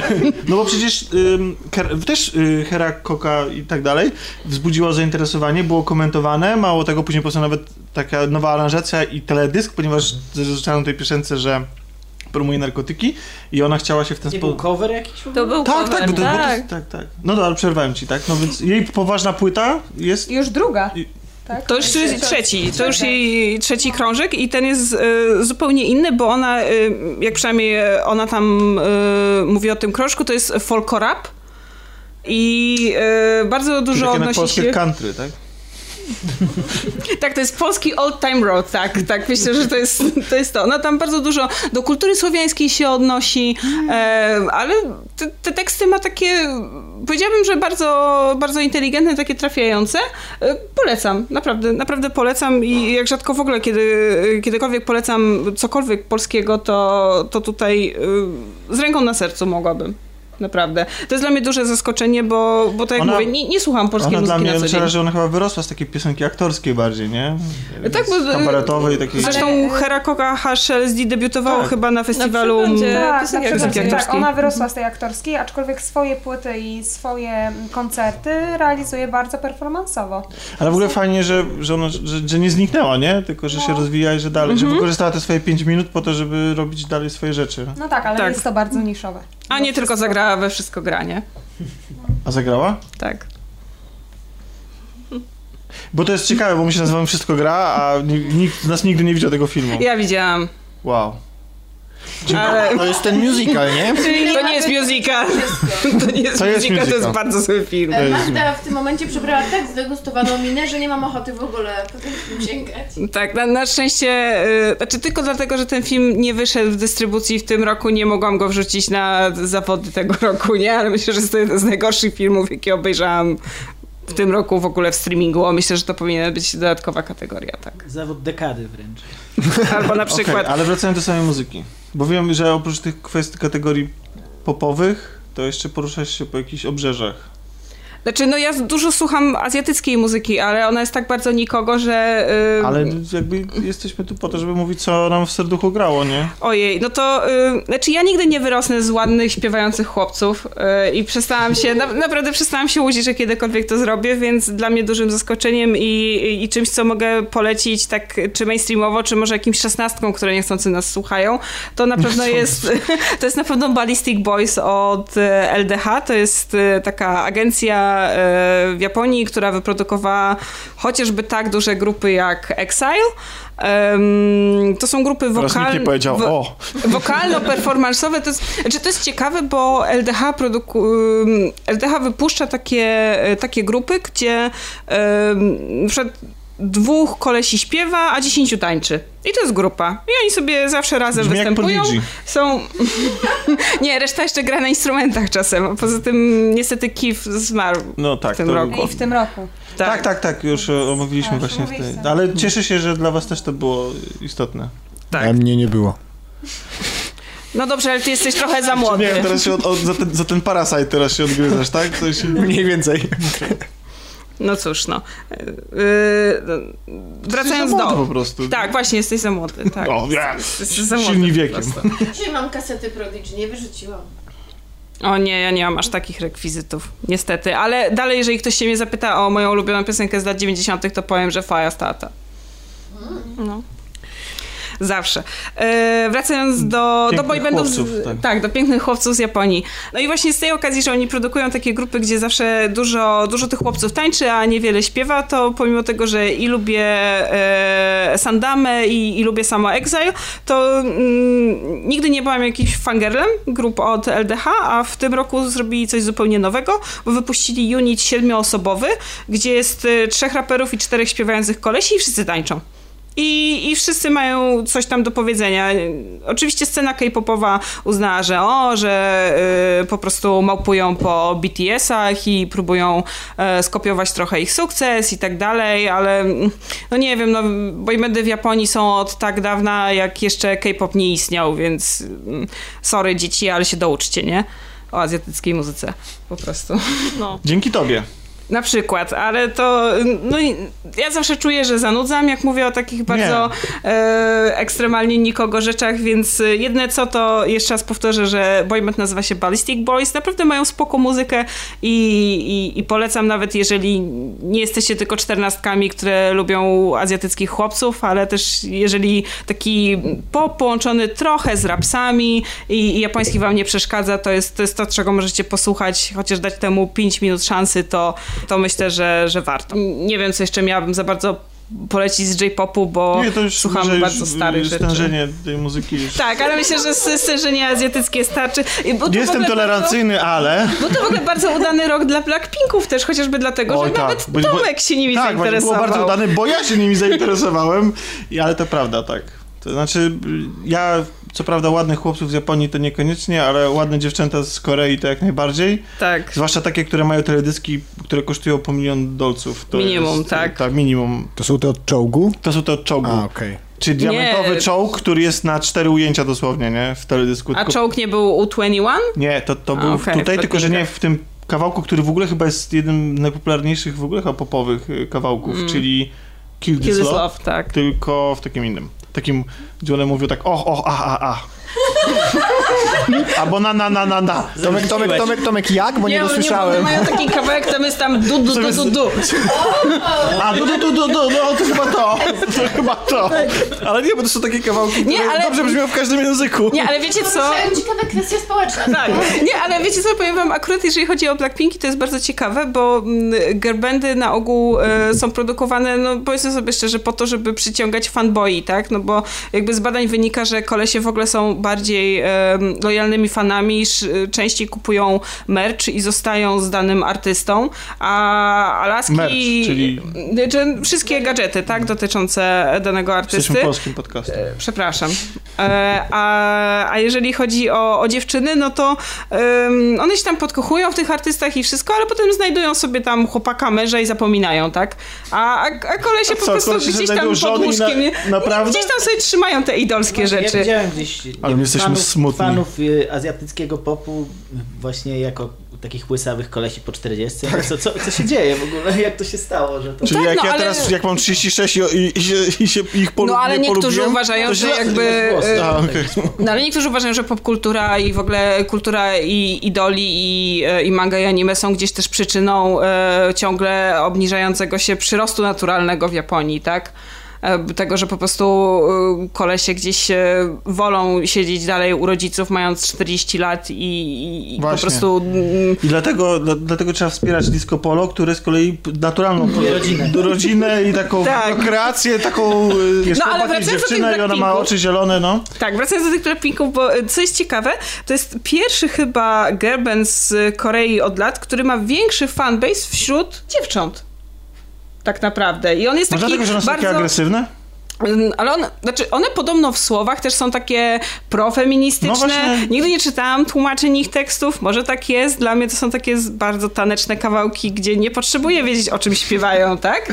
Ale... Najbardziej są feministyczne w tym du, du, du, du. No może tu, tu, tu jest bardziej feministyczne niż la la la i to już... Nie, nie, ale one są takie, mają wizerunek taki trochę agresywny. W sensie te teledyski są... One tam, Czołg jest teledyskiem. Tak, ale, ma, jakby, ale tak, ale mają właśnie, że one niby są, to jest takie przefiltrowane przez taką... Tak, ale dalej e, mają, wiesz, y, krótkie spódniczki i No tak, totalnie ale- są ale- wyprodukowane ale pod są- male audience, To nie? prawda, ale one dominują, w sensie takim jakby... Tak, tak, to prawda. No jestem ciekawa, mi nie rozkminiłam do końca tego tematu jeszcze, ale gdzieś tam jest na mojej liście rzeczy, gdzie muszę się po prostu zagłębić, o co chodzi, nie? Dlaczego akurat one? To wróćmy z powrotem na naszą część globu. Coś Tak. jeszcze? Kurczę, no ode mnie chyba wszystko, no bo ja to głównie country, a to też nikogo bardzo. Poza tym zrobię tę playlistę, to sobie zapoznacie się, zawsze możecie mnie znaleźć gdzieś tam w socialach i do mnie zagadać, prawda? A Dorota, ty chciałaś coś jeszcze? Coś się przypomniało? Tak, wiesz co, bo jak wspomniałaś o Karolinie Czarneckiej, to mi się przypomniało, że w tym roku y, po raz pierwszy od dawna śledziłam wyniki przeglądu piosenki aktorskiej y, i w tym roku y, bank rozbił Ralf Kamiński, który już był, jakby już jest znany ze sceny popowej i w ogóle z talent show, dla szerokiej publiczności i, yy, i nie przeszkodziło mu to w poświęceniu czasu yy, właśnie przygotowaniom do, do przeglądu piosenki aktorskiej. Tam yy, dostał kilka nagród, śpiewając między innymi piosenkę z Pana Kleksa. Witajcie w naszej bajce. Przebranym jakby za drag queen w ogóle to śpiewał, więc ta wow. piosenka zmieniła trochę wydźwięk. I ja bardzo długo czekałam, bo nie byłam, na, nie byłam na przeglądzie i długo czekałam na nagranie, bo dopiero chyba po kilku miesiącach się pojawiło na YouTubie. E, I no już moje, moje oczekiwania tak narosły, że już nie, nie mógł mnie usatysfakcjonować ten, film, e, ten filmik, ale o Ralfie w ogóle warto wspomnieć, bo wydał płytę w tym roku i rośnie, rośnie jego popularność, a całkiem ciekawe rzeczy ma do powiedzenia i jest bardzo takim kolorowym ptakiem, jak to się mówi, człowiekiem, który bardzo dba o to, jak wygląda na scenie, jak wygląda cała oprawa jego koncertów i, i poza tym fajnie śpiewa, ma dobre kawałki, więc y, dodam go gdzieś do, do listy. listy no. Super. Kończymy. Ja zdążyłam zrobić listę w tym czasie. Co A czy ktoś poza muzyką chciałby coś jeszcze dodać w ogóle? A czy ja mogę o muzyce powiedzieć? Wszyscy mogą, Tem. nie? Dobrze. Akurat zdążyłam zrobić... Dobrze, telefon do mnie dzwoni, to sobie pójdę. Nie, byłoby super, bo ja na przykład mam dziś jeszcze takie zdanie w ogóle zamykające dla mnie ten rok bo i myślę, że fajnie, bo jakby każdy coś takiego dodał. Że krążycie po zupełnie innych orbitach niż ja. Ja przyznam, że jestem e, całkowitą ignorantką, jeśli chodzi o pop. To znaczy, odkąd nie słucham radia, um, wcześniej słuchałam trójki, teraz z powodów politycznych przestałam trójki słuchać e, i ciężko mi bardzo wrócić do jakiegokolwiek radia e, z powodu reklam, ponieważ nie oglądam też telewizji i za każdym razem jak włączam radio i słyszę to po prostu jak mi... E, ze zwiększonym poziomem głośności, chociaż teoretycznie jest to zabronione, próbują wcisnąć te wszystkie rzeczy i zwykle są to suplementy diety. E, A będziesz miała problemy z pęcherzem kiedyś i nie będziesz wiedziała, co zrobić. Nie, reklama Zobaczysz. radiowa to jest, to jest cudowna rzecz, e, naprawdę cudowna? copywritersko nie, no, tam. Dla mnie to jest po prostu jakiś koszmar i ja nie potrafię, e, nie potrafię jakoś przekonać się do słuchania radia już po tych kilku latach przerwy. E, więc tak naprawdę jedynym źródłem, z jakiego czerpię wiedzę o jakichś nowościach muzycznych, to jest Spotify i Last.fm i ewentualnie moi znajomi. Więc mogę powiedzieć o czymś bardzo niszowym i o czymś nie niszowym. E, nie niszowe to e, nowa płyta zespołu The Black Keys. Na pewno słyszeliście, bo to jest taki rockowo-bluesowy, garażowy zespół. Dwóch mhm. kolesi z mhm. USA. Nawet nie pamiętam, jak nazywa się ich nowa płyta, bo ja taka jestem świetna w tych tytułach, ale zaraz sprawdzę i wam powiem. No dobra, nie odnajdę. W każdym razie nowa płyta The Black Keys po pięciu latach przerwy bardzo mi się spodobała. E, ze znanych bardziej artystów e, nowa płyta Nika Cave'a. Znaczy to jest no. dokładnie Nick Cave z jego zespołem The, The Bad Seeds, płyta Ghostin. Naprawdę uważam, że warto posłuchać. Bardzo, um, bardzo fajny powrót jednego z, myślę, że cały czas aktywnych i w formie Całkiem w formie e, jeszcze, nie? E, no czy właśnie. Black Keys to jest Let's Rock? Tak, o Let's Rock, no dziękuję. No proszę. Tak. E, jeśli lubisz taką muzykę, to naprawdę bardzo Ci polecam zerknąć na Spotify, bo okay. e, Nowe oni robią taką muzykę, która jest e, bardzo przebojowa, jest rockowa, ale taka, że po prostu ja bardzo lubię szokować się rano i podrygiwać sobie właśnie w rytm e, ich kawałków.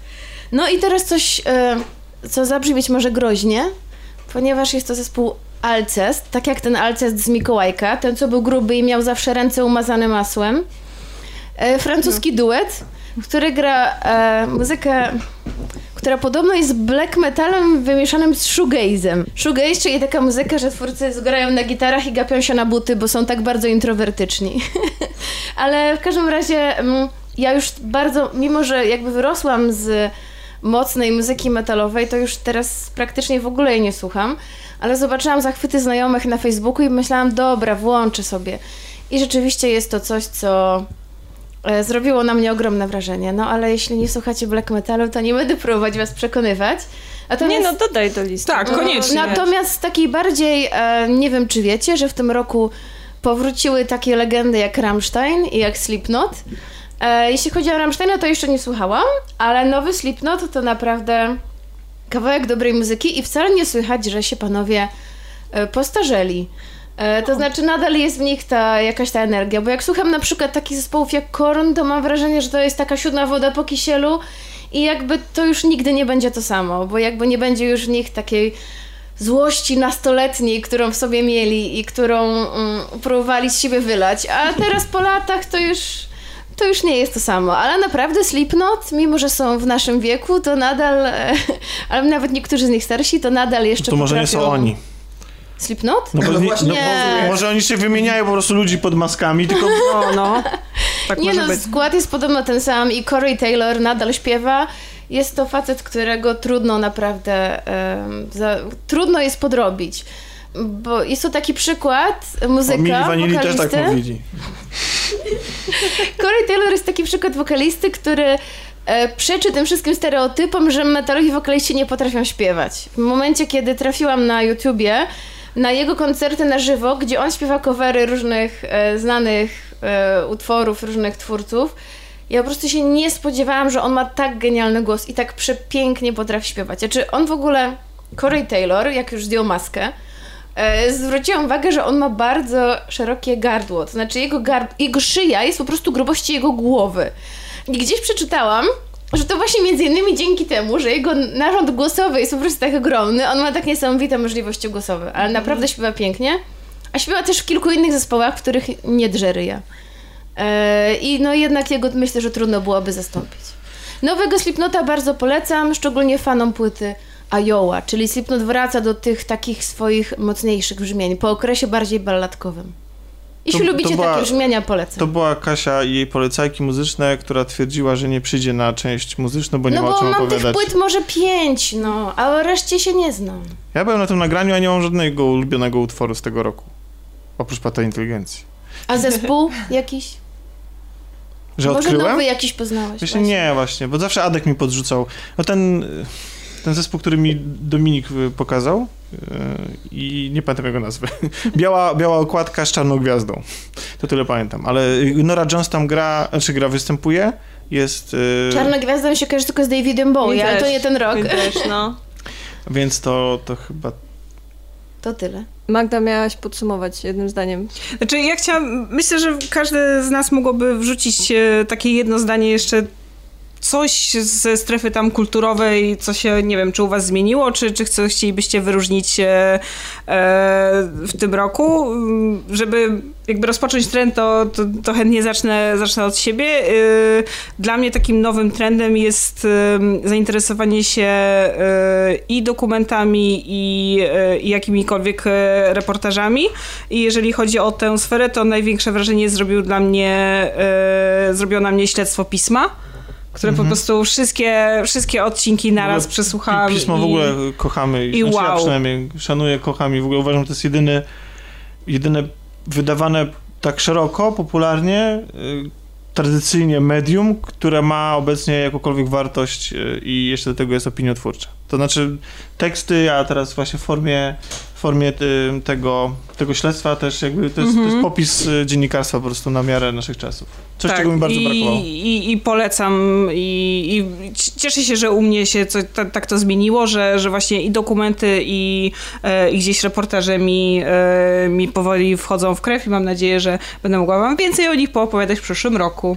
Ja się cieszę, że papierowe RPG wróciło do łask i że jest bardzo popularne, ale to też mówiłem w części chyba muzycznej, że, że ludzie są zachwyceni jakimiś takimi serialami nagrywanymi przez youtuberów, którzy grają po prostu sobie w RPG i sami kupują e, i, e, i sami próbują grać i to jest e, chyba takie nowe planszówkowe szaleństwo, więc to jest fajne, bo RPG w latach 90. kryło się po piwnicach i było e, Jak przez... to serialami? Ludzie grają? Ludzie grają, to ogląda? Tak, ludzie grają i to jest tak, że są i gwiazdy takie medialne, jeszcze aktorzy i tak dalej. Są też tacy, którzy się stali gwiazdami, ponieważ grają w to, w, w te Dungeons and Dragons i tak dalej i w ogóle ta marka rośnie w siłę i em, nie wiem, no jako taki stary nerd to się cieszę. Ja, mi zawsze tego brakowało, ja nigdy nie miałem tego w, za dzieciaka, bo nie miałem z kim grać y, i zawsze dopiero tak naprawdę w, jak byłem dorosły, to dopiero miałem, a wtedy to już nie ma czasu i tak dalej, i tak dalej, wiadomo. Zresztą my się umawiamy na granie w Cyberpunka już 3 lata. Naprawdę. Ja od roku próbuję napisać jedną sesję po, po tam latach przerwy. No ale ty masz nie? jakieś Więc- doświadczenie w ogóle, nie? W sensie, Nie, no ja tak, jako tak, gracz tak. tylko niestety i mam wrażenie też, że, że cichną komiksy.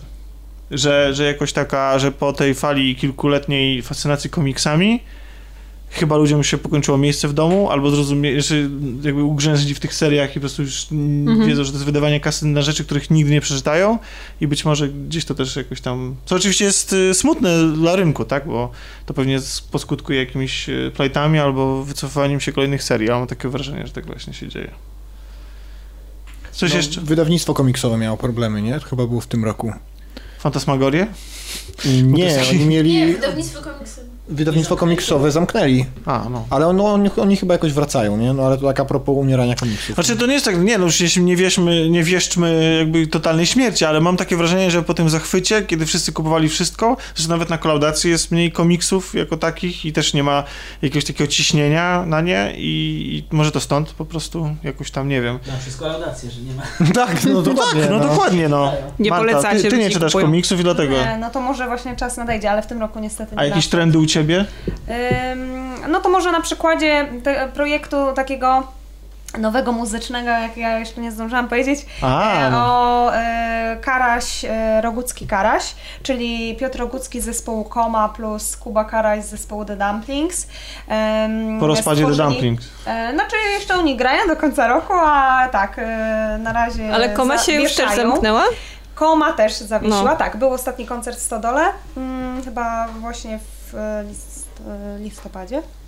No w każdym razie e, oni e, stworzyli e, taki duet po stworzeniu coveru e, 1996 zespołu T-Love i później właśnie stworzyli płytę i jest taki świetny teledysk, mm, znaczy jest ich teledysk e, mm, bolesne strzały w serce e, w klimacie e, i myślę, że i podobają mi się em, takie trendy, takie em, prze, trend przenoszenia e, filmowej, e, filmowej Narracji do narracji teledysków. do Do- teledysków. Tak, no. To Też mi się taki trend podoba. To mi się bardzo podoba i Ciekawe zauważyłam w tym roku, że w tym roku bardzo dużo też Dawid Podsiadło miał takie, no i dużo takich właśnie klimatów. Tak słucham was tutaj o muzyce i... I tak, i- co wy Nie, nie. I wprost przeciwnie. Jestem pod wrażeniem właśnie ile, ile tego słuchacie i sobie zdałem sprawę, że ja chyba trzy albumy w tym roku przesłuchałem może. I z tego dwa to był polski rap, y, więc... No widać te, te y, dresy, to nie jest, to nie przypadek. Nowych, czy Trzech nowych, nie, trzech nowych, to To- nowy, to bo to chyba był nowy problem, nowy PZ i nowa Mary z Polski, to już nie jest rap, ale... ale No to ale były prawie. Takie, Częściowo. pra, jak country, tylko że nie country. Ale płytę PZ praktycznie już słyszałeś w, Tak, ciągu ostatnich sześciu lat, Właśnie. y, wszystkie kawałki, więc trudno to nazwać nową płytą. No ale Tak. tak. No, Czyli dwie Dobra. przesłuchałeś, Dorota, Dorota cię oświeciła, nie? Ale, ale i tak najlepszym muzycznym odkryciem, można powiedzieć, dla mnie, to jest soundtrack do Watchmenów Reznora i Rossa, który katuje już jakiś, nie wiem, od, odkąd serial wyszedł. No, O. proszę. No i to tyle. Zawsze to lepsze niż Tose Coin. Dziękuję. Pojawiła się, pojawiła się mocna muzyka. Więc, no bo Reznor to Nine Inch Nails, więc No tak. juhu, nie jestem No i jedyna. Tul wrócił, ale już o Tulu Jest- chyba gadaliśmy, nie? Właśnie Gadaliśmy. chciałam zapytać, czy wczoraj była, rozmawialiście o Tulu, bo ja em, nie jestem ogromną fanką, ale straszne było poruszenie w mojej bańce. Po prostu wszyscy tak się ekscytowali, młodsi, starsi. Oj, to takie wydarzenie tego roku. Myślę, że ważne dla osób chyba tak trzydziestki. Tak Tools Rule My Chemical Romance wraca. Nie, to dla dzieciaków. A ja, a ja kocham ten kawałek, gdzie oni są na, tam w szkole na sali gimnastycznej i laski tańczą w mm, gaz, maskach gazowych. Po prostu byłeś kiedyś trochę Nie byłem emo. Nie, nigdy nie byłem żadnym emo. Nie, to bo już byłem za stary na to, ale totalnie uwielbiam, bo to jest takie, przypomniało mi te, takie punkowe, bo dla mnie to nie jest emo, tylko dla mnie to jest takie punkowe granie kalifornijskie trochę. I takie, no, Przez cały czas się zastanawiam, czy jednak nie mylisz ich z Green Dayem. nie, no nie, o nie, o nie, z Green Dayem to ich na pewno nie mylę. Bo rozma- rozmawialiśmy od tego, wyszła dyskusja, że panowie, że punk powinien być zakazany po 30 po prostu, ustawowo. Nie To może... znaczy w ogóle myślę, że z tego takiego właśnie kalifornijskiego nowego punku przełomu lat 90. i zerowych to mało co dobrego wyszło i to w ogóle to należałoby A to co teraz, czy... W ogóle by błagam cię. Nie, Pierwsze ogóle. płyty Offspring są zajebiste. Pierwsze, to wcześniej. Pierwsze były pierwsze No. no. Czy tam No drugiego. to pierwsze tak, to już lata 90. No ale już nawet ta. Amerykana nawet niech będzie, no. No co? No oni śpiewali, no tak, no to był taki punk komercyjny, jasny, taki melodyjny, no ale to było... Ja American Niech Idiot będzie. ciągle kocham. Ale to dlatego, czy gdybym teraz to usłyszała po raz pierwszy, to pewnie nie, ale jak mam sentyment, to ciągle znam płytę na Nie, no bo to trzeba mieć 16 lat, żeby No tego właśnie, słuchać. No ale, no, ale chodzi. na tym polega punk, dlatego właśnie mówię, że punk po 30 powinien być zakazany, no. Ale słuchanie czy Teraz granie? kombi teraz i budka suflera, no. Ale to nie pan Przepraszam, Iggy Pop wydał w tym roku nową płytę. Ile on ma lat? Chyba z No i tysiąc. czy jest wiarygodny w tym? Wygląda On- jak mumia. Pytanie, Ale o on czym jest śpiewa. wiarygodny. Płyta jest Właśnie- bardzo fajna i No. on jest wiarygodny. Ale tak tylko, jest no okej, pankowcem. no tak ja rozumiem, To tylko, nie jest do końca tylko wiesz, tylko, ale on tylko, jest tylko w Jest. momencie, w którym... Iggy Pop jest właśnie, nie, to ja mówiłam, że to są takie wyjątki jak Iggy Pop i nie wiem, Patti Smith, który, O, którzy dokładnie pozostają autentyczni mimo wieku, ale to jest naprawdę bardzo wąskie grono. To myślę, że to są takie może wyjątki potwierdzające reguły. No.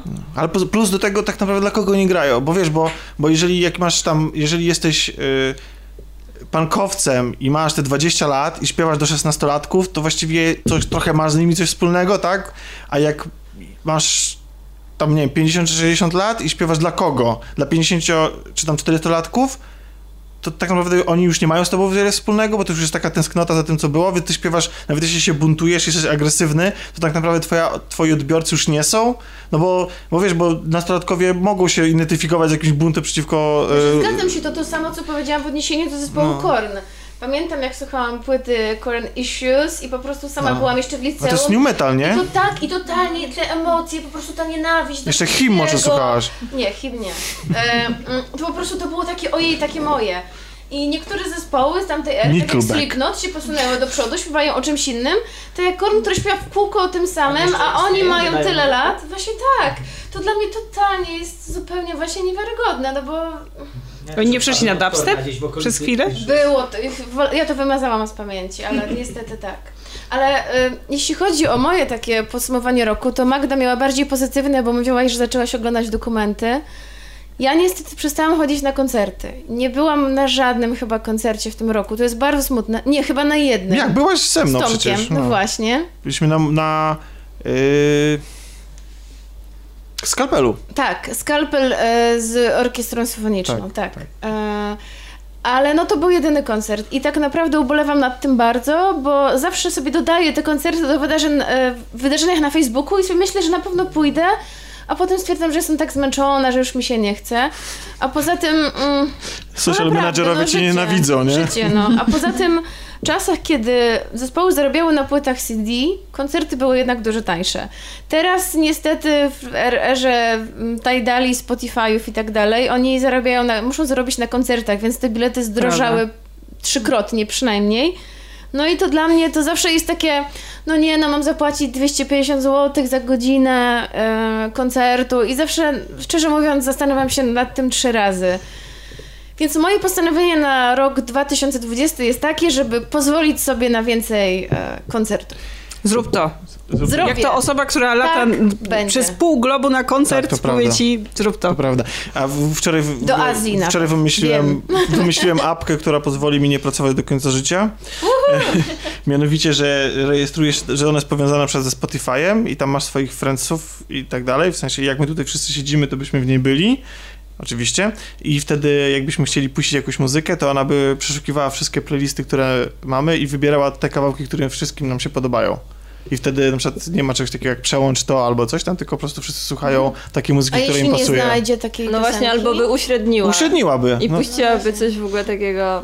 no nie, ale on To musiał... się nazywa nie. Radio SK, wiesz? Nie, no ale, to, no ale, ale właśnie na tym, na tym to polega, że zarabia się obecnie na dostosowaniu nowych mediów do tego, żeby były starymi mediami. To jest ten taki powrót, przeso- przesycenie treściami nowych, y, nowych mediów typu VOD, gdzie wchodzisz na Netflixa i o, to jest, to jest moja zmiana w tym roku. Nigdy tak wcześniej nie miałem, ale w tym roku autentycznie wracam z pracy, odpalam Netflixa i zasypiam przy wyborze tego, co chcę obejrzeć. O, i właśnie Bo tak długo jest... się decyduje, że, że, To jest że druga nawet... rzecz, o której chciałam powiedzieć.